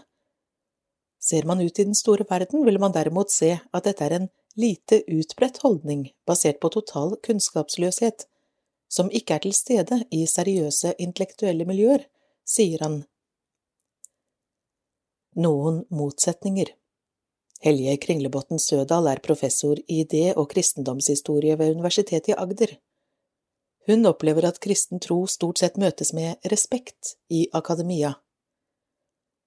Jeg leker ikke livssynsmessig gjemsel med studentene mine. Jeg jobber med verdifag som ikke er nøytrale, og da kan det være greit med åpenhet om egen posisjon, sier hun. Sødal tror den religiøse sjenansen har blitt mindre enn tidligere, fordi samfunnet er mer mangfoldig enn før, og forteller at det er en stor tilstrømning av sekulære studenter på religionsfag. Det kan imidlertid være krevende å fronte noen trosspørsmål, for eksempel å være tydelig konservativ i etiske spørsmål eller i politisk-religiøse temaer. Da er mange kristne forsiktige. Men jeg tror ikke dette bare handler om akademia, men gjelder også ellers i samfunnet, sier hun. Fysikk og Gud Professor i fysikk ved Universitetet i Oslo, Sverre Holm, synes heller ikke det er problematisk å snakke om tro i sitt akademiske miljø, og forteller at han selv ikke opplever latterliggjøring på grunn av troen. Han anerkjenner likevel at det ikke er så mye samtaler om gudstro på hans fakultet.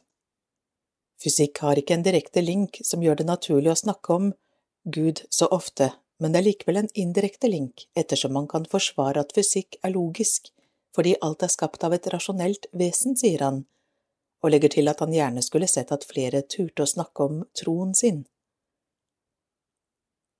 Tause studenter En studentundersøkelse fra laget, NKSS, Norges Kristelig Student- og Skoleungdomslag i 2019, viser at kristne studenter ikke snakker mye om tro på studiestedet. Funnene viser at selv om mange mener troen ikke er en privatsak, snakker de likevel svært lite om troen sin utenfor kristne sammenhenger. 76% av dem som oppgir at troen er grunnleggende og viktig i livet deres, snakker ikke om sin kristne tro, med mindre de får direkte spørsmål om det. Karl Johan Kjøde, generalsekretær i laget NKSS, mener det ikke er unaturlig om det oppleves lettere for professoren å være åpne om troen sin enn for studentene. Vi som kirke har i liten grad aktualisert hvordan tro kan snakkes om.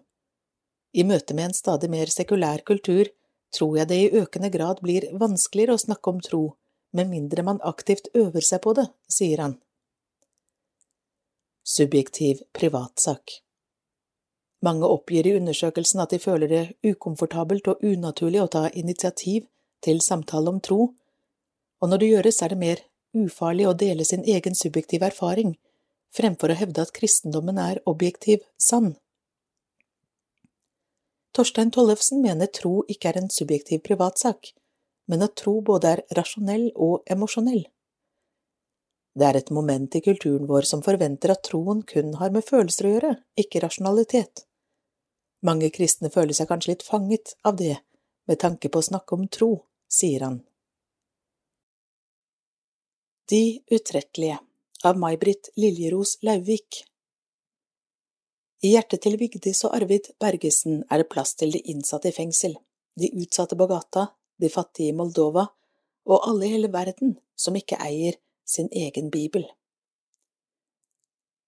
Vigdis og Arvid er utvilsomt det som kan kalles to svært engasjerte mennesker.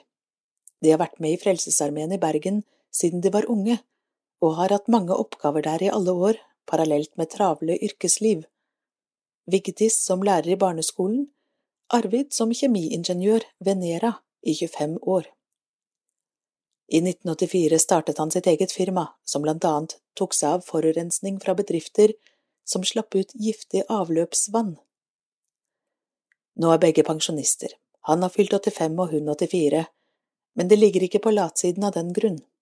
Fritidsproblemer har de aldri hatt, og som Vigdis nøkternt oppsummerer, det har gått noen timer til Frelsesarmeen, og det har gitt oss så mye. Den dramatiske brannen Arvid ble soldat i Frelsesarmeen i 1956. Da hadde han vært i militæret og lært seg å spille althorn. I Frelsesarmeen ble det tuba som skulle bli instrumentet hans i 64 år. Vigdis vokste opp på Senja og var med i Misjonssambandet der. Da hun og Arvid giftet seg i 1960, ble hun med til Bergen. Jeg trodde aldri jeg skulle havne i Frelsesarmeen, erklærer Vigdis og forteller at hun tok spørsmålet om å bli soldat veldig alvorlig. Det var ikke noe hun ville gå inn i fordi noen maste, eller fordi det passet, fordi strengemusikken skulle på tur. Men så skjedde det noe dramatisk. Vi hadde kommet hjem fra et møte og hadde nettopp sovnet da vi våknet brått av røyk og gnister utenfor det åpne soveromsvinduet vårt. Minutter etter at vi hadde kommet oss ut, var soverommet fullt av flammer. Etter denne opplevelsen kjente jeg noe nytt. Tanken på det å bli soldat var annerledes, forteller Vigdis. I møte med det dramatiske og livstruende ble det tydeligere hva som var viktig i livet, hva hun ønsket å bruke tiden sin på, hva hun ønsket å prioritere. Oppgavene ble klarere, tilhørigheten sterkere, overbevisningen udiskutabel på en annen måte. Vigdis ble soldat i Frelsesarmeen. Folk er folk. Både Vigdis og Arvid var med i Frelsesarmeens lokale fengselsarbeid i nærmere 20 år. Folk er folk, uansett hvordan livet og omstendighetene er, slår de fast. Det har blitt mange gode samtaler med de innsatte, og også tilbud om andakter i fengselet har blitt verdsatt. Men de andaktene måtte komme fra hjertet, ellers ble en fort gjennomskuet, sier Vigdis. Hver jul var det julefest i fengselet, med 80–100 innsatte til stede. Da var det fast tradisjon at Frelsesarmeens hornorkester spilte. Det var en givende tid, sier Arvid. Parallelt drev de tilbudet de kalte Åpen dør på Frelsesarmeen. Vigdis forteller at hun i ett års tid gikk med et tydelig bilde i hodet, en tanke, en drøm, en visjon hun ikke klarte å legge fra seg. Hun så for seg at Frelsesarmeens korps, nærmiljøkirke, åpnet dørene for folk på gata og rett og slett inviterte dem inn til en god samtale med kaffe, rundstykker, sang og en enkel hjertevarm andakt. Etter hvert ble drømmen virkelighet, og det var om lag 15 gode hjelpere som drev dette arbeidet i nærmere 15 år. Vigdis og Arvid lærte mye av å bli kjent med de rusavhengige og de som levde livet sitt på gata. Oppsto det krevende situasjoner, lærte vi fort at det var bedre vi kvinnene snakket dem til rette enn mennene, forteller Vigdis med et smil. Men som regel fungerte selvjustisen i miljøet. Gjestene passet på hverandre fordi de var glade for tilbudet. Bibelen til alle Engasjementet til Vigdis og Arvid begrenser seg ikke til Bergen by. Allerede på slutten av femtitallet plukket Arvid opp et blad fra misjonsorganisasjonen Åpne dører som gjennom arbeidet sitt støtter forfulgte kristne over hele verden.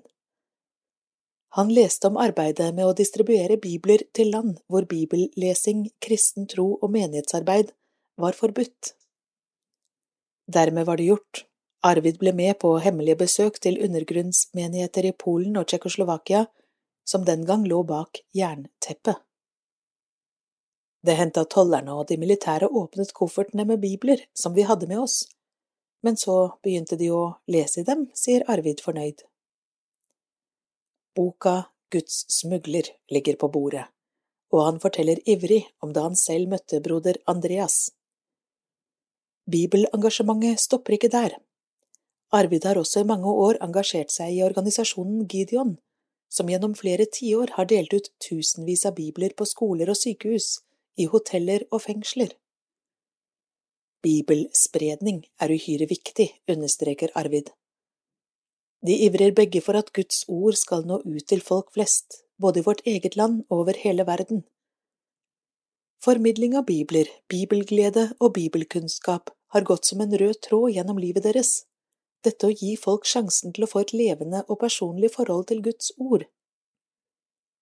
Fremdeles lever de som de lærer. I alle år har Vigdis og Arvid selv vært med i ulike bibel- og bønnegrupper. Vigdis snakker varmt om bønne- og samtalegruppa, som møtes hver mandag, så sant det lar seg gjøre. Der deler vi Guds ord og ber for syke og ellers det vi måtte ha behov, så samtaler vi rundt andakten. Det er veldig interessant, og vi behøver ikke være enige. Det er også sosialt, men ordet er det viktigste, understreker Vigdis, som også er leder for en annen fellesskapsgruppe. Det å få folk til å lese Bibelen er så viktig, understreker hun. En beskyttende mur Selv leser de Bibelen hver eneste dag. Hver morgen har de sin personlige andaktsstund, leser litt og lar det synke inn. Mange tror at Bibelen er traurig og lite spennende. Da har de ikke opplevd det jeg får gjennom å lese den, smiler Vigdis. Når jeg begynner å lese, kan jeg tenke at jeg kan det som står der, men jeg oppdager hele tiden noe nytt. Gang på gang har hun opplevd hvordan ordet åpner seg, blir levende og personlig, og snakker rett inn i livet og hverdagen akkurat slik den er. Hun bruker bøker med bibelkommentarer hvis noe er vanskelig å skjønne, og boka Navn i Bibelen er også en god hjelp. Jeg får en helt annen opplevelse av bibellesingen ved å kjenne til persongalleriet, stedene og sammenhengene. Da vi for noen år siden besøkte Israel, følte vi oss hjemme da vi så navnene og stedene vi kjente så godt fra Bibelen. Det var fantastisk. Bibelen lover at Den hellige ånd skal gjøre Guds ord levende og personlig for den som leser, og hjelpe den enkelte til å forstå. Lenge var jeg ikke så mottagelig for Den hellige ånd, men så hadde vi en del vanskeligheter i familien, og jeg ba om at vi måtte få hjelp, sier Vigdis. Hun begynte å tenke på noe Jesus selv sa, at han skulle gi vennene sine Den hellige ånd som utrustning. Den hellige ånd Jesus i oss og hos oss. Guds hjelp og Guds kraft i livet vårt. Kunne det være noe i dette som hun kunne få erfare mer av? Under en møteserie på Jeløy ble hun bedt for. Der fikk hun erfare Den hellige ånd på en ny og nær måte. Det ble en herlig opplevelse, forteller Vigdis, og leter etter dekkende ord på den gode erfaringen. Kraften kom. Det var ikke bare tørr teori, men en realitet. Det hjalp fantastisk når det gjaldt problemene i familien også. Det var som det ble satt en beskyttende mur som vern rundt oss, sier hun rørt. Hjerte for Moldova Frelsesarmeens arbeid i Moldova ligger også ekteparet Bergesen varmt på hjertet. Selv har de en sønn, en datter og to barnebarn, og kjenner et sterkt engasjement for både besteforeldre og barnebarn i Moldova. Sammen med major Andreas Bugnøy reiste vi dit og så med egne øyne hvor stor nøden var.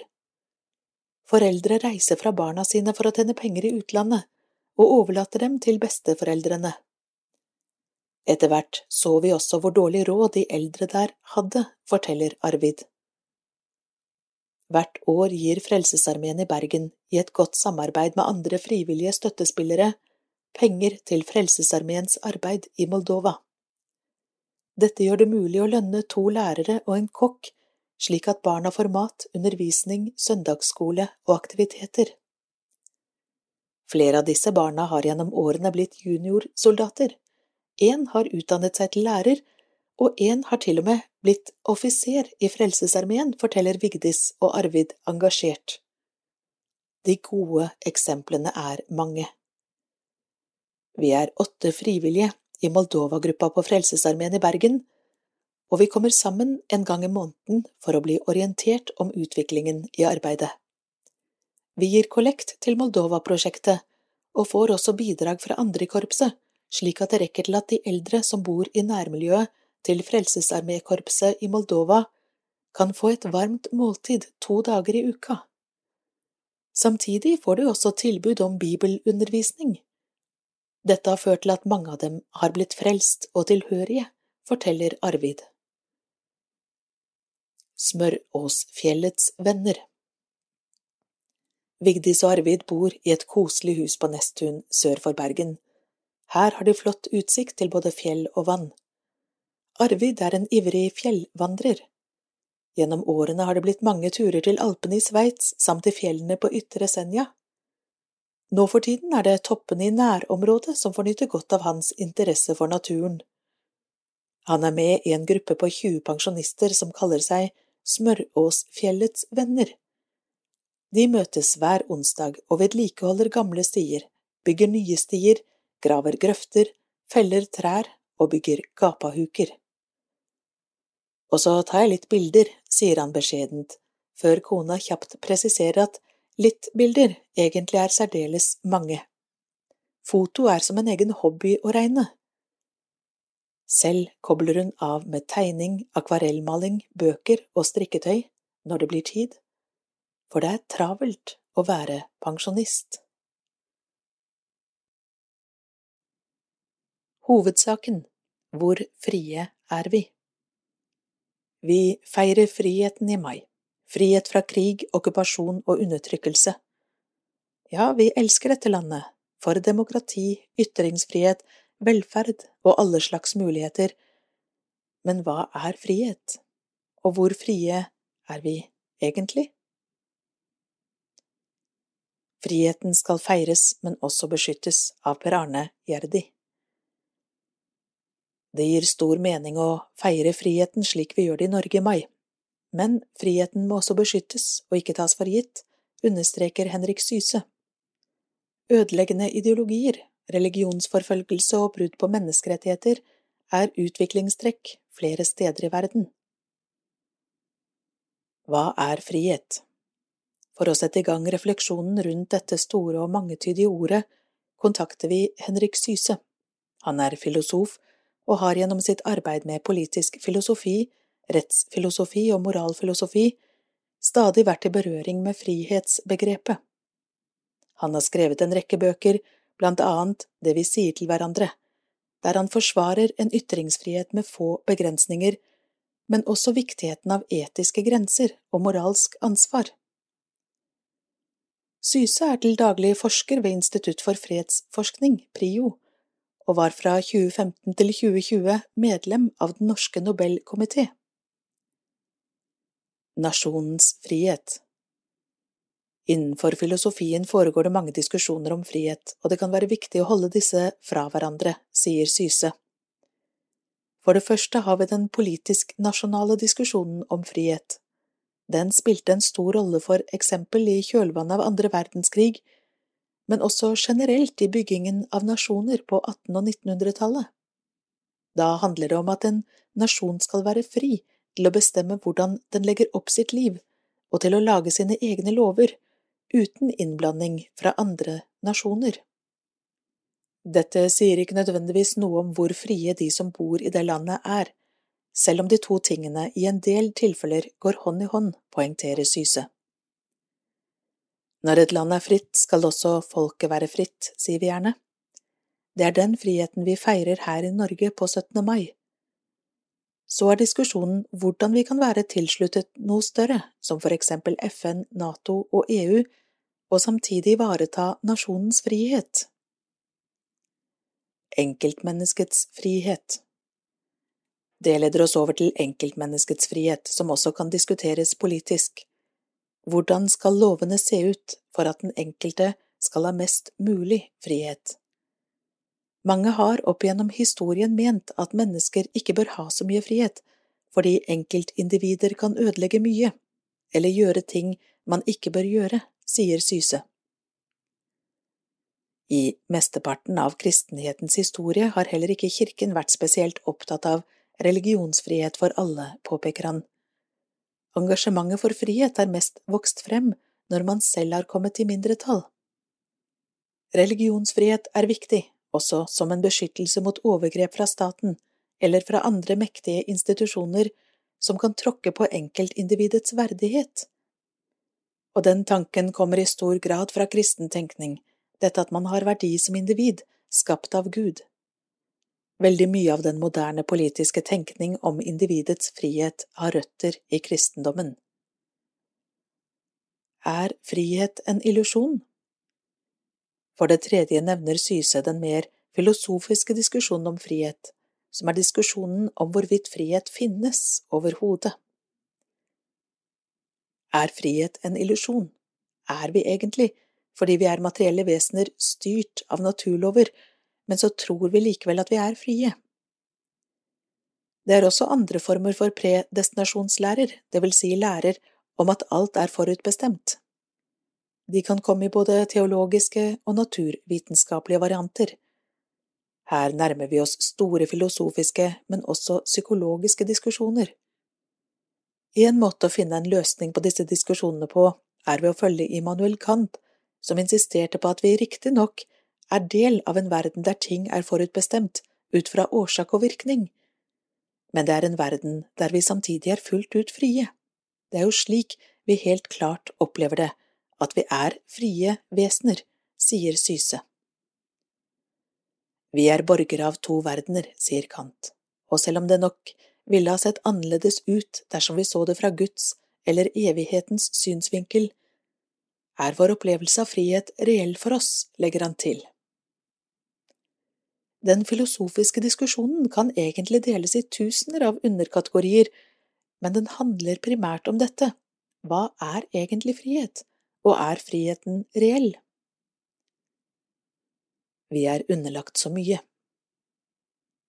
Midt i denne friheten kan man føle seg fanget eller kjenne på begrensninger, som igjen henger sammen med de forpliktelser man har, eller det liv man har valgt å leve.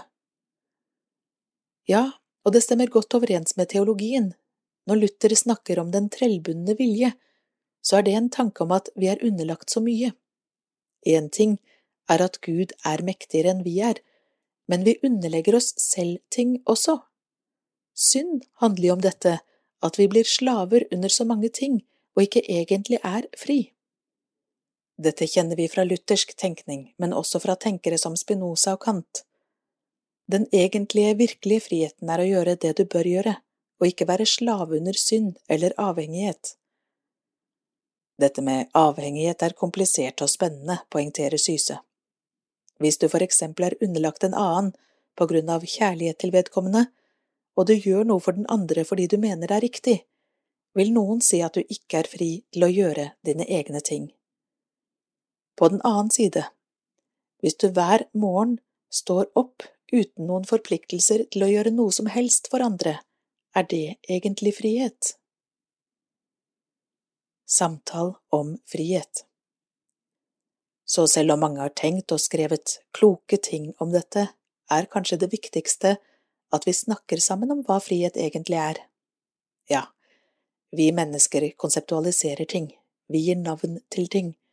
Det er det vi gjør gjennom språket. Vi har satt navnet frihet på det vi opplever som frihet.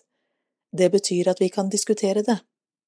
Og diskusjonen om hva vi kaller frihet, kan være utgangspunkt for veldig gode samtaler mellom mennesker, mener Syse. Selve samtalen mellom mennesker som vil hverandre vel, ikke minst om hva frihet er, den er viktig. For frihet betyr jo blant annet at du som individ er så verdifull at det du ønsker og tenker, er verdifullt. Synd som et viktig begrep. Syse vender tilbake til Luther, som i et av sine tidlige skrifter snakker om kristenmenneskets frihet. Troen kan, ifølge Luther, frigjøre oss fra veldig mye som holder oss nede. Det synes jeg er en veldig fin måte å se på frihetsbegrepet på. Vi mennesker kan bli bundet av utrolig mye i vår verden, ikke minst av oss selv. Vi lever i en tid da syndsbegrepet er gått litt ut av bruk. Jeg opplever synd som et viktig begrep i ens egen refleksjon, sier Syse og utdyper. Vi må være oppmerksomme på hvordan egen synd kan holde en nede på forskjellige måter, for eksempel gjennom avhengighet eller anger. Jeg vet om mennesker som er så tynget av ting de har gjort, fordi de aldri klarer å tilgi seg selv og komme seg videre. Der tror jeg at kristne begreper som synd og tilgivelse kan være svært viktige, fordi det gir en frihet. Du kan faktisk få lov til å bevege deg videre. Du er mer verdt enn dine egne feilsteg. Jeg tror at det å finne nåde og frihet og legge ting bak seg er en konstruktiv måte å snakke om frihet på, der har Kirken mye å bidra med. Enestående muligheter Du har skrevet en bok om ytringsfrihet. I den sammenheng er det naturlig å komme inn på teknologien. Den har gitt oss stor frihet, men er også tvetydig.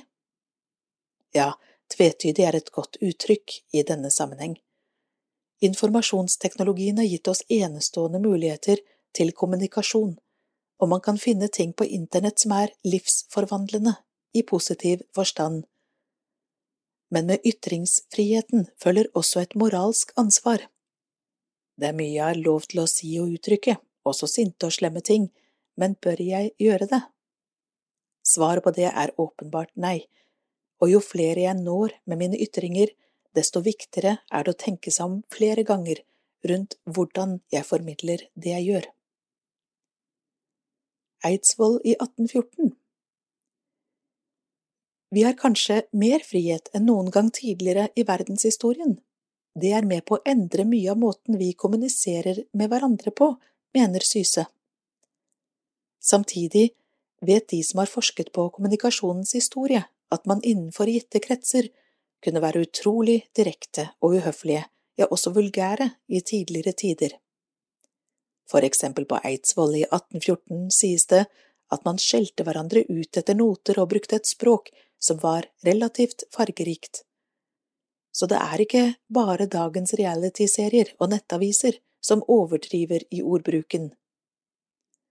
Men om grunnlovsdiskusjonen i 1814 var opphetet, så var ikke mange vitner til den, sammenlignet med de millioner som kan følge nyheter og diskusjoner på nettet i dag og vil noen i dag spre spinnville ideer, er dessverre mulighetene mange og lett tilgjengelig.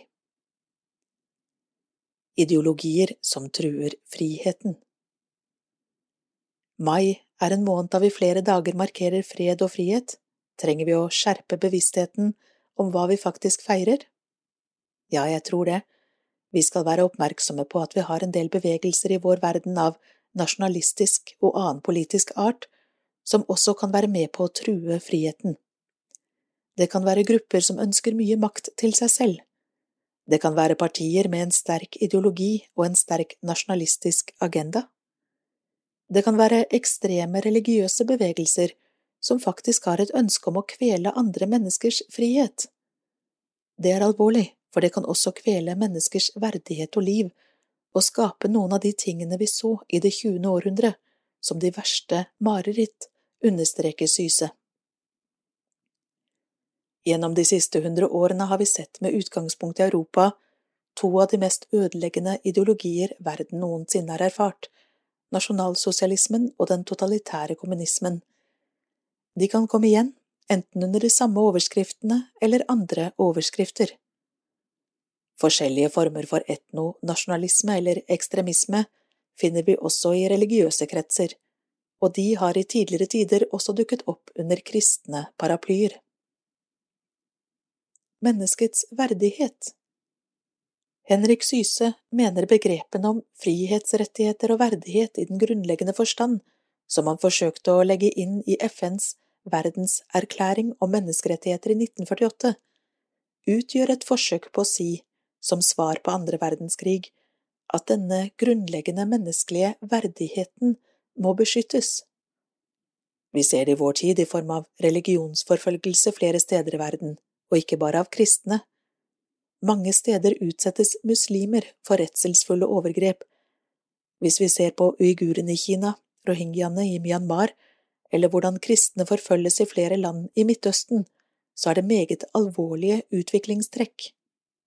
Da gir det stor mening å feire 17. mai og si at vi tror så sterkt på menneskets og livets verdighet at vi må beskytte dets grunnleggende rettighet og frihet. Det er like relevant som noen gang før. Friheten i stillheten av Per Arne Gjerdi Hva slags frihet gir det å koble seg fra verden og den vante hverdagen en periode? Ja, kan stillheten lære oss noe om frihet? Prest og forfatter Kjell Arnold Nyhus gjorde viktige erfaringer da han tilbrakte 40 døgn alene på en hytte mellom fjellene. Bakgrunnen var på mange måter de erfaringene jeg hadde gjort med retreater i Halden fengsel, forteller Nyhus. Den tidligere fengselspresten er pensjonist nå, men for noen år siden skrev han boka Hvis jeg har en sjel. Der fortalte han hva som skjer med langtidsdømte fanger som går i kloster og skal leve sammen i taushet i 21 døgn. Erfaringene vi har gjort i Halden er sterke og forvandlende, og mange har spurt hva som er hemmeligheten. En ting som er helt sikkert, er at det har med stillhet å gjøre. Virkningene var også sterke for meg, fordi jeg var en del av opplegget selv, sier han. Noe av greia med den ignatianske retriten er at de som er veiledere, ikke bare skal komme på besøk og lire av seg noen orakelsvar og så dra igjen, de skal være med på samme vilkår og på samme måte som deltakerne. Så på bakgrunn av disse erfaringene fikk jeg lyst til å ta det litt videre. Hva vil skje hvis jeg forlenger det til 40 dager? Det er også stor forskjell på stillhet i et fellesskap og stillhet i ensomhet. Forskjellige erfaringer Ny hustru til hytta i Gjevilvassdalen der han tilbrakte senhøsten 2017 i stillhet, uten TV, radio, internett eller telefon. Erfaringene ble til boka 40 dager og 40 netter. Motivet var imidlertid ikke å skrive bok, men å utforske et par ting. For det første å finne ut hva er stillhet, når det kommer til stykket. For det andre å lære seg selv og Gud bedre å kjenne. Det er en lang historisk tradisjon åndelig, kirkelig og fellesreligiøs, om å søke Gud i stillhet og ensomhet. Det står ofte om Jesus at han søkte vekk for å være stille og be. Hvilke erfaringer gjorde du i stillheten? Veldig forskjellige erfaringer, som ikke lar seg oppsummere i en setning. Ensomhet og stillhet er på en måte noe mangetydig og kan oppleves veldig forskjellig. Jeg hadde stunder og dager da jeg opplevde vond ensomhet, det var sent på høsten, og vinteren kom for fullt mens jeg var der. Jeg hadde ikke strøm på hytta, og det var lange, mørke kvelder. Jeg hadde stunder med indre uro og angst, men jeg hadde også dager med intens og dyp lykke, en fred, en type klarhet som jeg verken før eller senere har opplevd. Nødvendig å tre til side Det er viktig å presisere at det er stor forskjell på frivillig og ufrivillig ensomhet. Det siste er alltid et onde, mener Nyhus. Ufrivillig ensomhet har han vært tett på i fengselet blant fangene. Frivillig ensomhet kan du derimot selv velge å være i eller bryte ut av når du vil. Jeg tror at i den kulturen vi nå lever, er det nødvendig å tre til side og stanse flommen av ytre impulser og stimuli for å finne ut hvem du egentlig er. En av hemmelighetene med retriten i Halden fengsel er at alle atspredelser tas bort, forklarer han. Det gjør at du ikke kan komme unna et møte med deg selv. Du kan ikke sette på musikk, radio eller TV, eller skravle med de andre. det er ingen ytre distraksjoner, ingen flukt bort fra ditt eget. Min erfaring er at når et menneske har valget mellom ytre stimuli eller lytte innover og være alene med seg selv, så vil minst 95 prosent av oss velge ytre stimuli. Fri fra de andres blikk Hvilken opplevelse av frihet har du når du oppsøker stillheten så lenge? Hvis vi snakker om personlig frihet, tenker jeg at frihet for meg betyr å klare å være den jeg ønsker å være. Når du er alene, er du helt fri fra de andres blikk på deg. Det er så bygd inn i oss gjennom sosiale konvensjoner og tillærte normer at hva de andre ser vi gjør, tenker og synes om oss, er med og styrer atferden vår, på godt og vondt.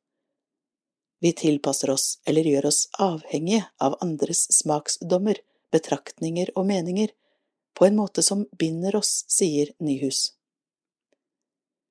Det tok meg altfor lang tid å skjønne hvor få mennesker som faktisk har sin egen smak, og som er klar over sine egne talenter, behov og lyster. Vi er i så stor grad styrt av forventningene om hva man skal like, enten det gjelder klær eller mat. Selv liker jeg best pannekaker med blåbærsyltetøy, men det kan man nesten ikke si høyt. Hva liker du, Kjell?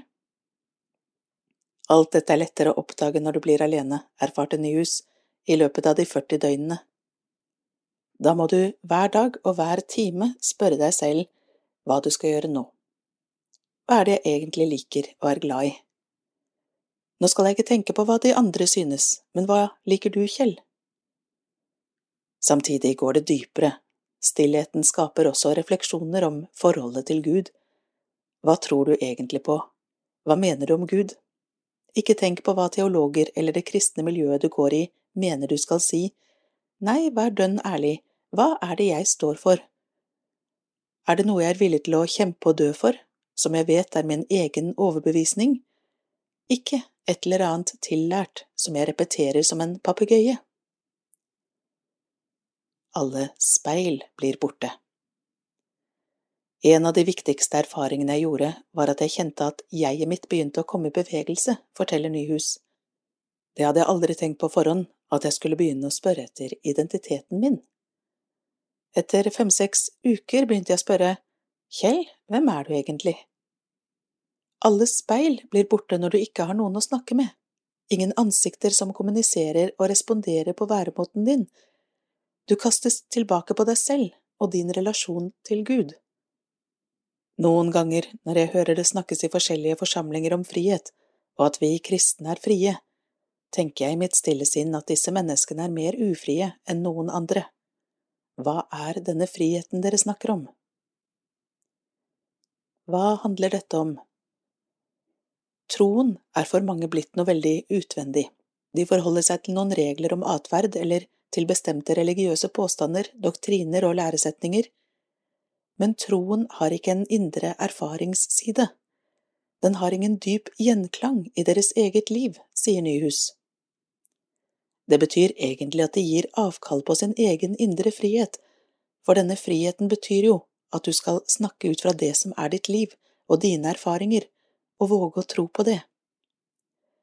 Hvis vi bare snakker andre etter munnen eller underkaster oss et system, så har vi egentlig gitt fra oss vår åndelige frihet.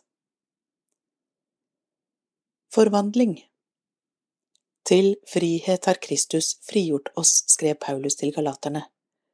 Konteksten var kristne som etter hvert begynte å falle tilbake til Moseloven og følge bestemte regler på alle mulige områder.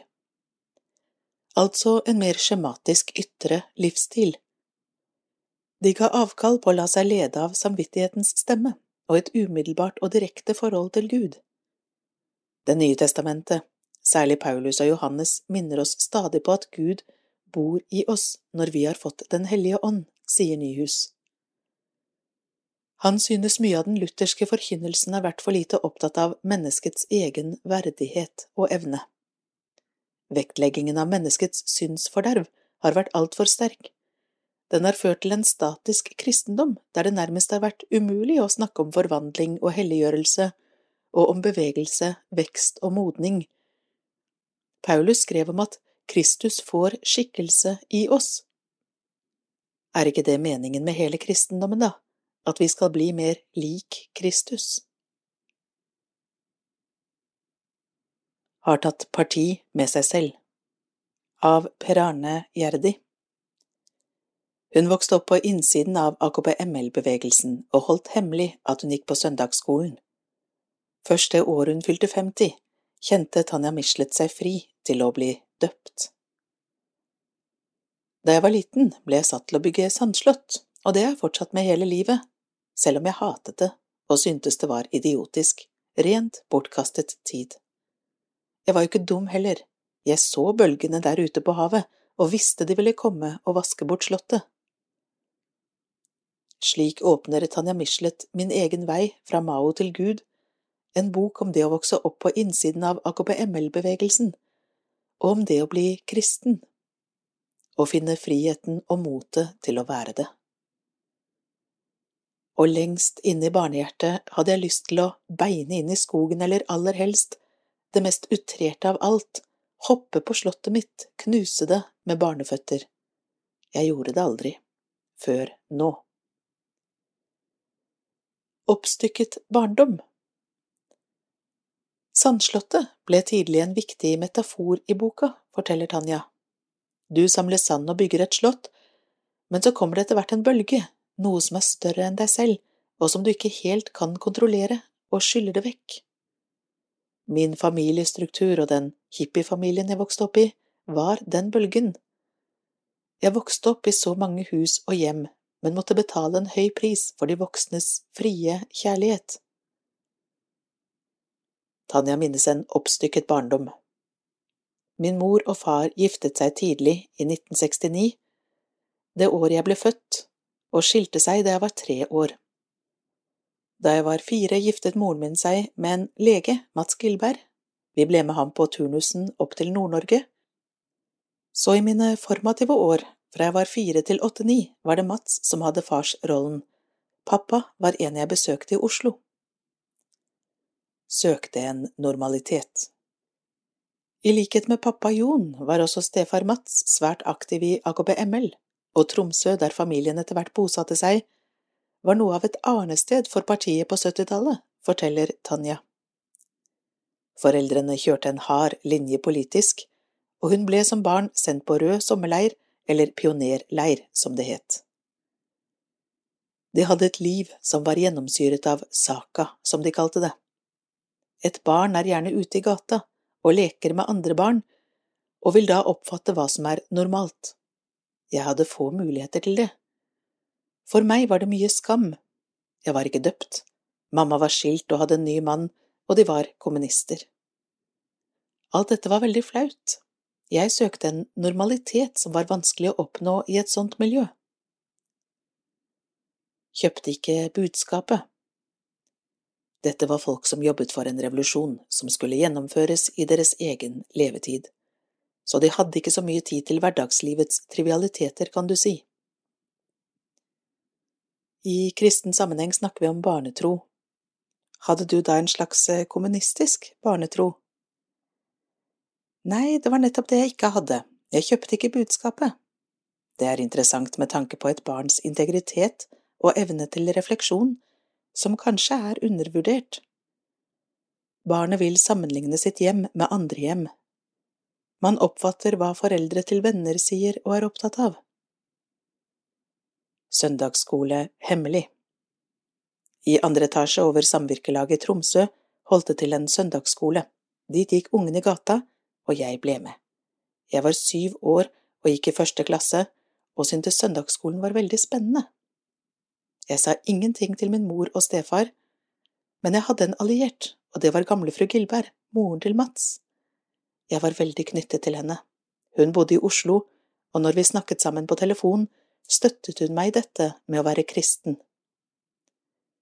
Det jeg følte når jeg kom på søndagsskolen, var den varme mottagelsen, barna ble sett. Det var flanellograf med Jesus og Maria, fortellinger jeg kunne forstå og sette meg inn i.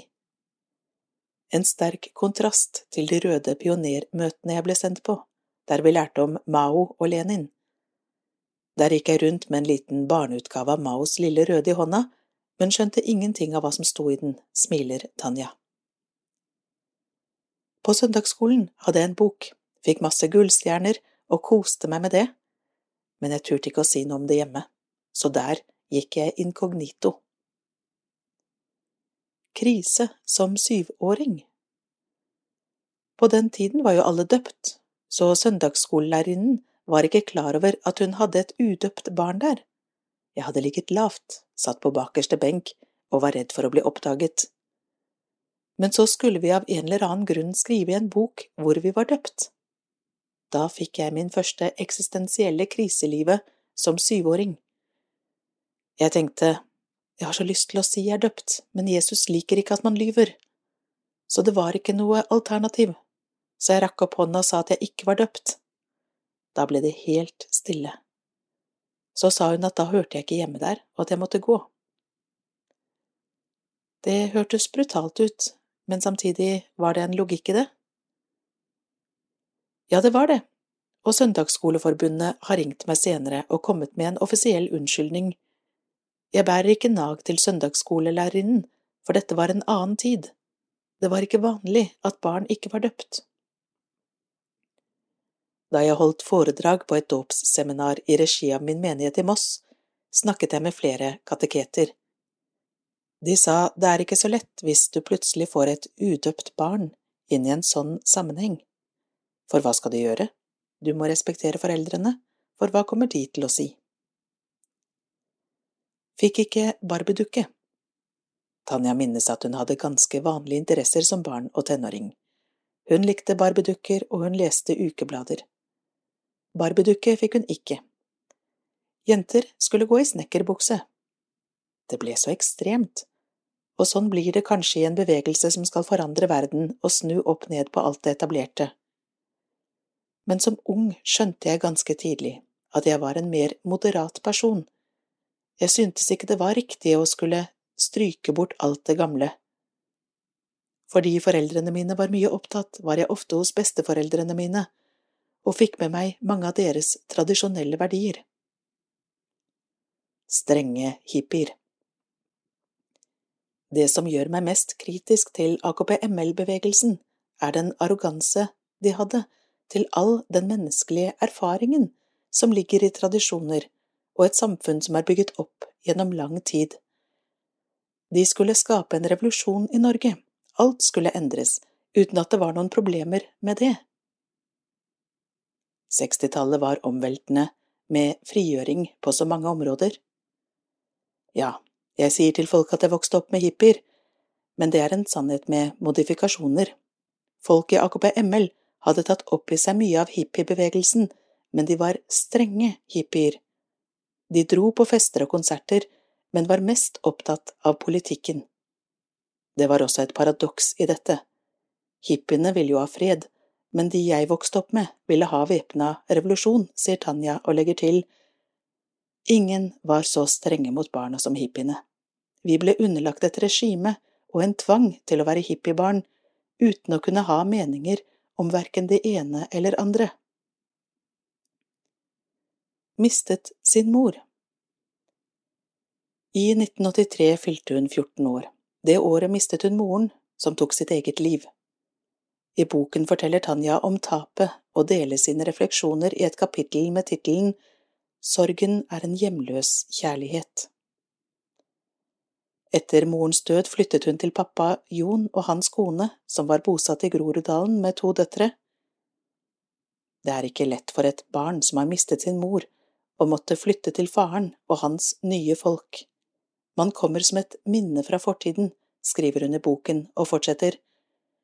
Pappa var snill mot meg, men han var så mye borte, han hadde så mye å gjøre, han var viktig, det skjønte jeg godt. Flyttet til Afrika som 15-åring ble Tanja med på flyttelasset da pappa Jon reiste med familien sin til Zambia for å arbeide. Egentlig ville hun ikke være med, for hun stortrivdes i åttende klasse på Lindeberg skole i Groruddalen. Men årene i Afrika skulle komme til å prege henne resten av livet. Å flytte til Afrika betød mye for identiteten min. Jeg kom meg vekk fra AKP-ML-miljøet og var ikke lenger bare dattera til min kjente far, sier Tanja. Men hun skynder seg å legge til, men jeg var stolt av ham, han er en helt for meg. Afrikatiden har vært en viktig faktor i utviklingen av min tro, skriver hun. Min tro ble manet fram her, med kontinentets aktive, nonsjalante kristendom. Tanja så hvordan kirken der var et sted for håp, utfoldelse og selvoppholdelsesdrift. Folk gledet seg til søndag og gudstjeneste, minnes hun. En mer konservativ vei. Tilbake i Norge holdt hun fortsatt en lav profil i sitt forhold til kirke og kristendom. Samtidig valgte hun som fersk student på Universitetet i Oslo å ta et årsstudium i teologi. Jeg skammet meg veldig. En av søstrene mine sa er du kristen, er du teit, eller? Men det var allerede en stor kontrast der, sosialt og kulturelt, forklarer Tanja. Jeg hadde begynt å jobbe som sekretær på ambassaden i Lusaka allerede som 19-åring, og kom hjem til Oslo med strømpebukse, skjørt og bluse, mens mine søstre var kule raddisjenter som hadde skinnet seg og fløy rundt i klær fra Army Shop. Så allerede da hadde jeg gått en mer konservativ vei, og da jeg begynte på teologisk fakultet, hadde jeg en datter på to år. Jeg er kristen, jeg. Faren min ga meg en familiebibel og noen kristne bøker, og spurte om jeg tenkte å bli prest.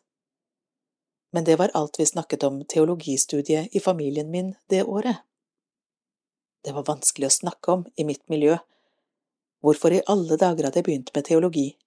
Hvorfor var jeg ikke som de andre? Men var kristen tro noe uttalt hos deg allerede den gangen? Ikke annet enn til venninner, men da på en unnskyldende måte du vet, jeg er kristen, jeg. Eller til datteren min, du vet, eh, mamma er kristen. Så da jeg døpte meg i 2019, sa hun, jeg visste jo du var kristen, da. Derfor falt det også naturlig at familien ba Tanja om å holde tale i farens begravelse i 2018, fordi han hadde bedt om en kirkelig begravelse. Skam Tro og kristendom var noe man ikke ville snakke om, så det å være både moderat og kristen har vært fryktelig vanskelig. Fortsatt skammer jeg meg nesten litt over det. Hvorfor kan jeg ikke stemme Rødt eller SV? Hvorfor er jeg sånn? Hvorfor fortsatt skam? Når du vokser opp i et veldig ensrettet miljø, som jeg gjorde i AKP-ML, da er de som ikke er enig med deg, reaksjonære, konservative, kapitalister, samfunnsfiender osv. Når du da gjør andre og helt motsatte valg, blir du redd for å bli oppfattet som en sviker. Jeg har stemt Arbeiderpartiet veldig lenge, men frykter at jeg tilhører den konservative fløyen i det partiet. Hvordan skal dette gå, sier Tanja og ler. Jeg skammer meg fortsatt over at jeg døpte meg, at jeg har sviktet saka. Det var ett postulat jeg vokste opp med, hvis du ikke var for AKP-ML, så var du imot. Da var du ikke kamerat. Det var veldig svart-hvitt. Dåpen et vendepunkt. Tanja ble døpt i Moss kirke 10. februar 2019. Det var mitt livs vendepunkt, høyt oppe blant de viktigste hendelser i mitt liv. Jeg hadde hatt lyst til det i mange år, det sto på lista mi, men det var likevel så vanskelig.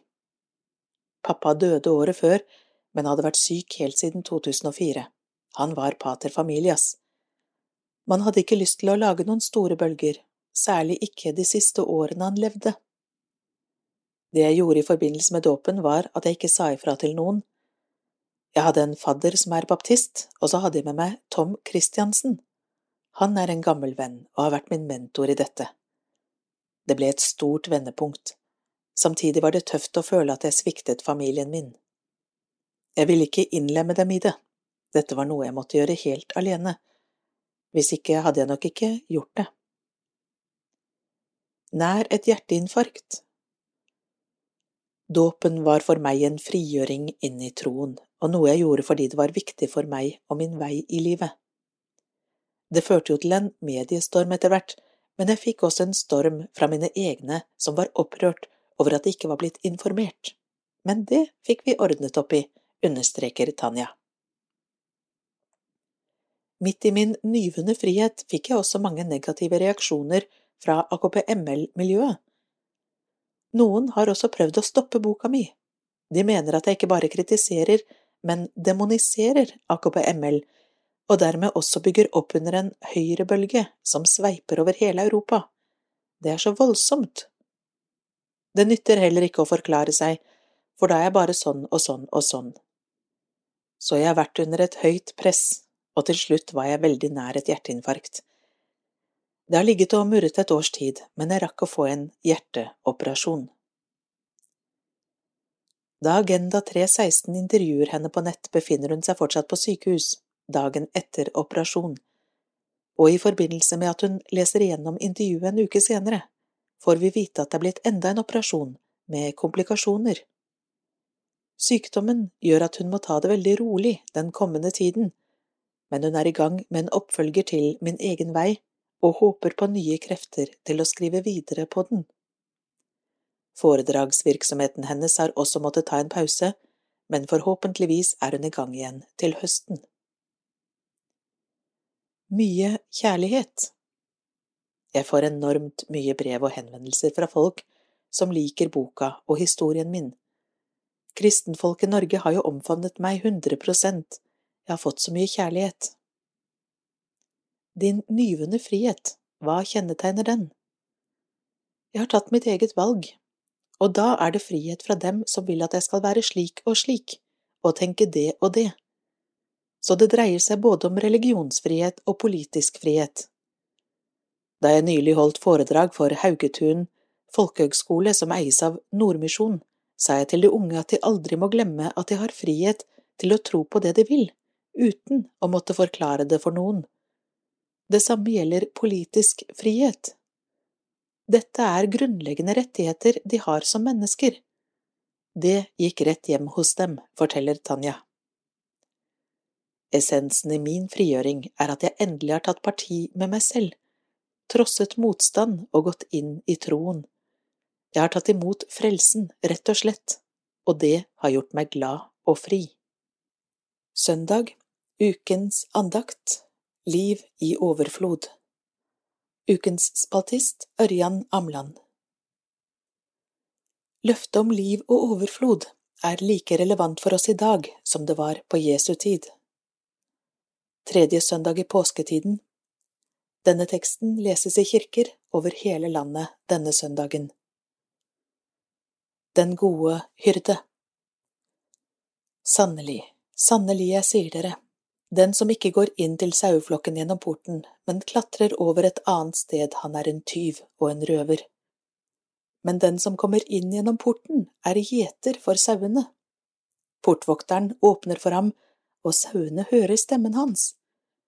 Han kaller sine egne sauer ved navn og fører dem ut. Og når han har fått ut alle sine, går han foran dem, og sauene følger ham, for de kjenner stemmen hans. Men en fremmed følger de ikke de flykter fra ham fordi de ikke kjenner den fremmedes stemme. Da sa Jesus, Sannelig, sannelig, jeg sier dere, jeg er porten inn til sauene. Alle de som er kommet før meg, er tyver og røvere, men sauene har ikke hørt på dem. Jeg er porten. Den som går inn gjennom meg, skal bli frelst og fritt gå inn og ut og finne beite. Tyven kommer bare for å stjele, drepe og ødelegge. Jeg er kommet for at dere skal ha liv og overflod. Denne lignelsen fortalte Jesus, men de skjønte ikke hva han mente. Johannes 10, 1–10, Bibel 2011, Det norske bibelselskap.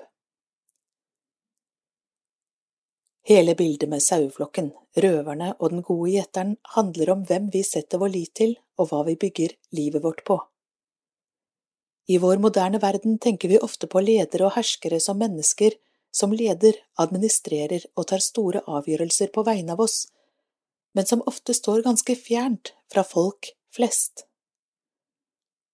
Det er ikke slik Gud gjør det. Han er ikke en fjern figur i en himmel langt borte, en som ikke ser oss. Han er mer som en hyrde, en som er nær, som kjenner til, som beskytter med sitt eget liv som innsats. En som har flokkens og den enkeltes behov som prioritet. I Midtøsten på Jesu tid oppbevarte de sauene i innhegninger om natten. Hyrdene satt i porten for å beskytte sauene mot å gå seg vill og for å stoppe rovdyr fra å komme inn. Hyrden var strengt tatt porten inn til sauene, og det er i dette bildet at Jesus sier, Jeg er porten inn til sauene. Dette er Det nye testamentets versjon av Salme 23 i Det gamle testamentet, som begynner med Herren er min hyrde, jeg mangler ikke noe. Han lar meg ligge i grønne enger, han leder meg til vann, der jeg finner hvile. Han gir meg nytt liv. Løftet om liv og overflod er like relevant for oss i dag som det var da. Den moderne vestlige verden har etter hvert oppdaget hvor utilfredsstillende materialisme egentlig er, og leter etter noe mer. Mange tyver har fortalt løgner, har bedratt sauene, ledet dem vill og etterlatt dem til sin egen skjebne. Jesus inviterer oss til å finne trygghet og liv i overflod i ham alene for godt til å være sant?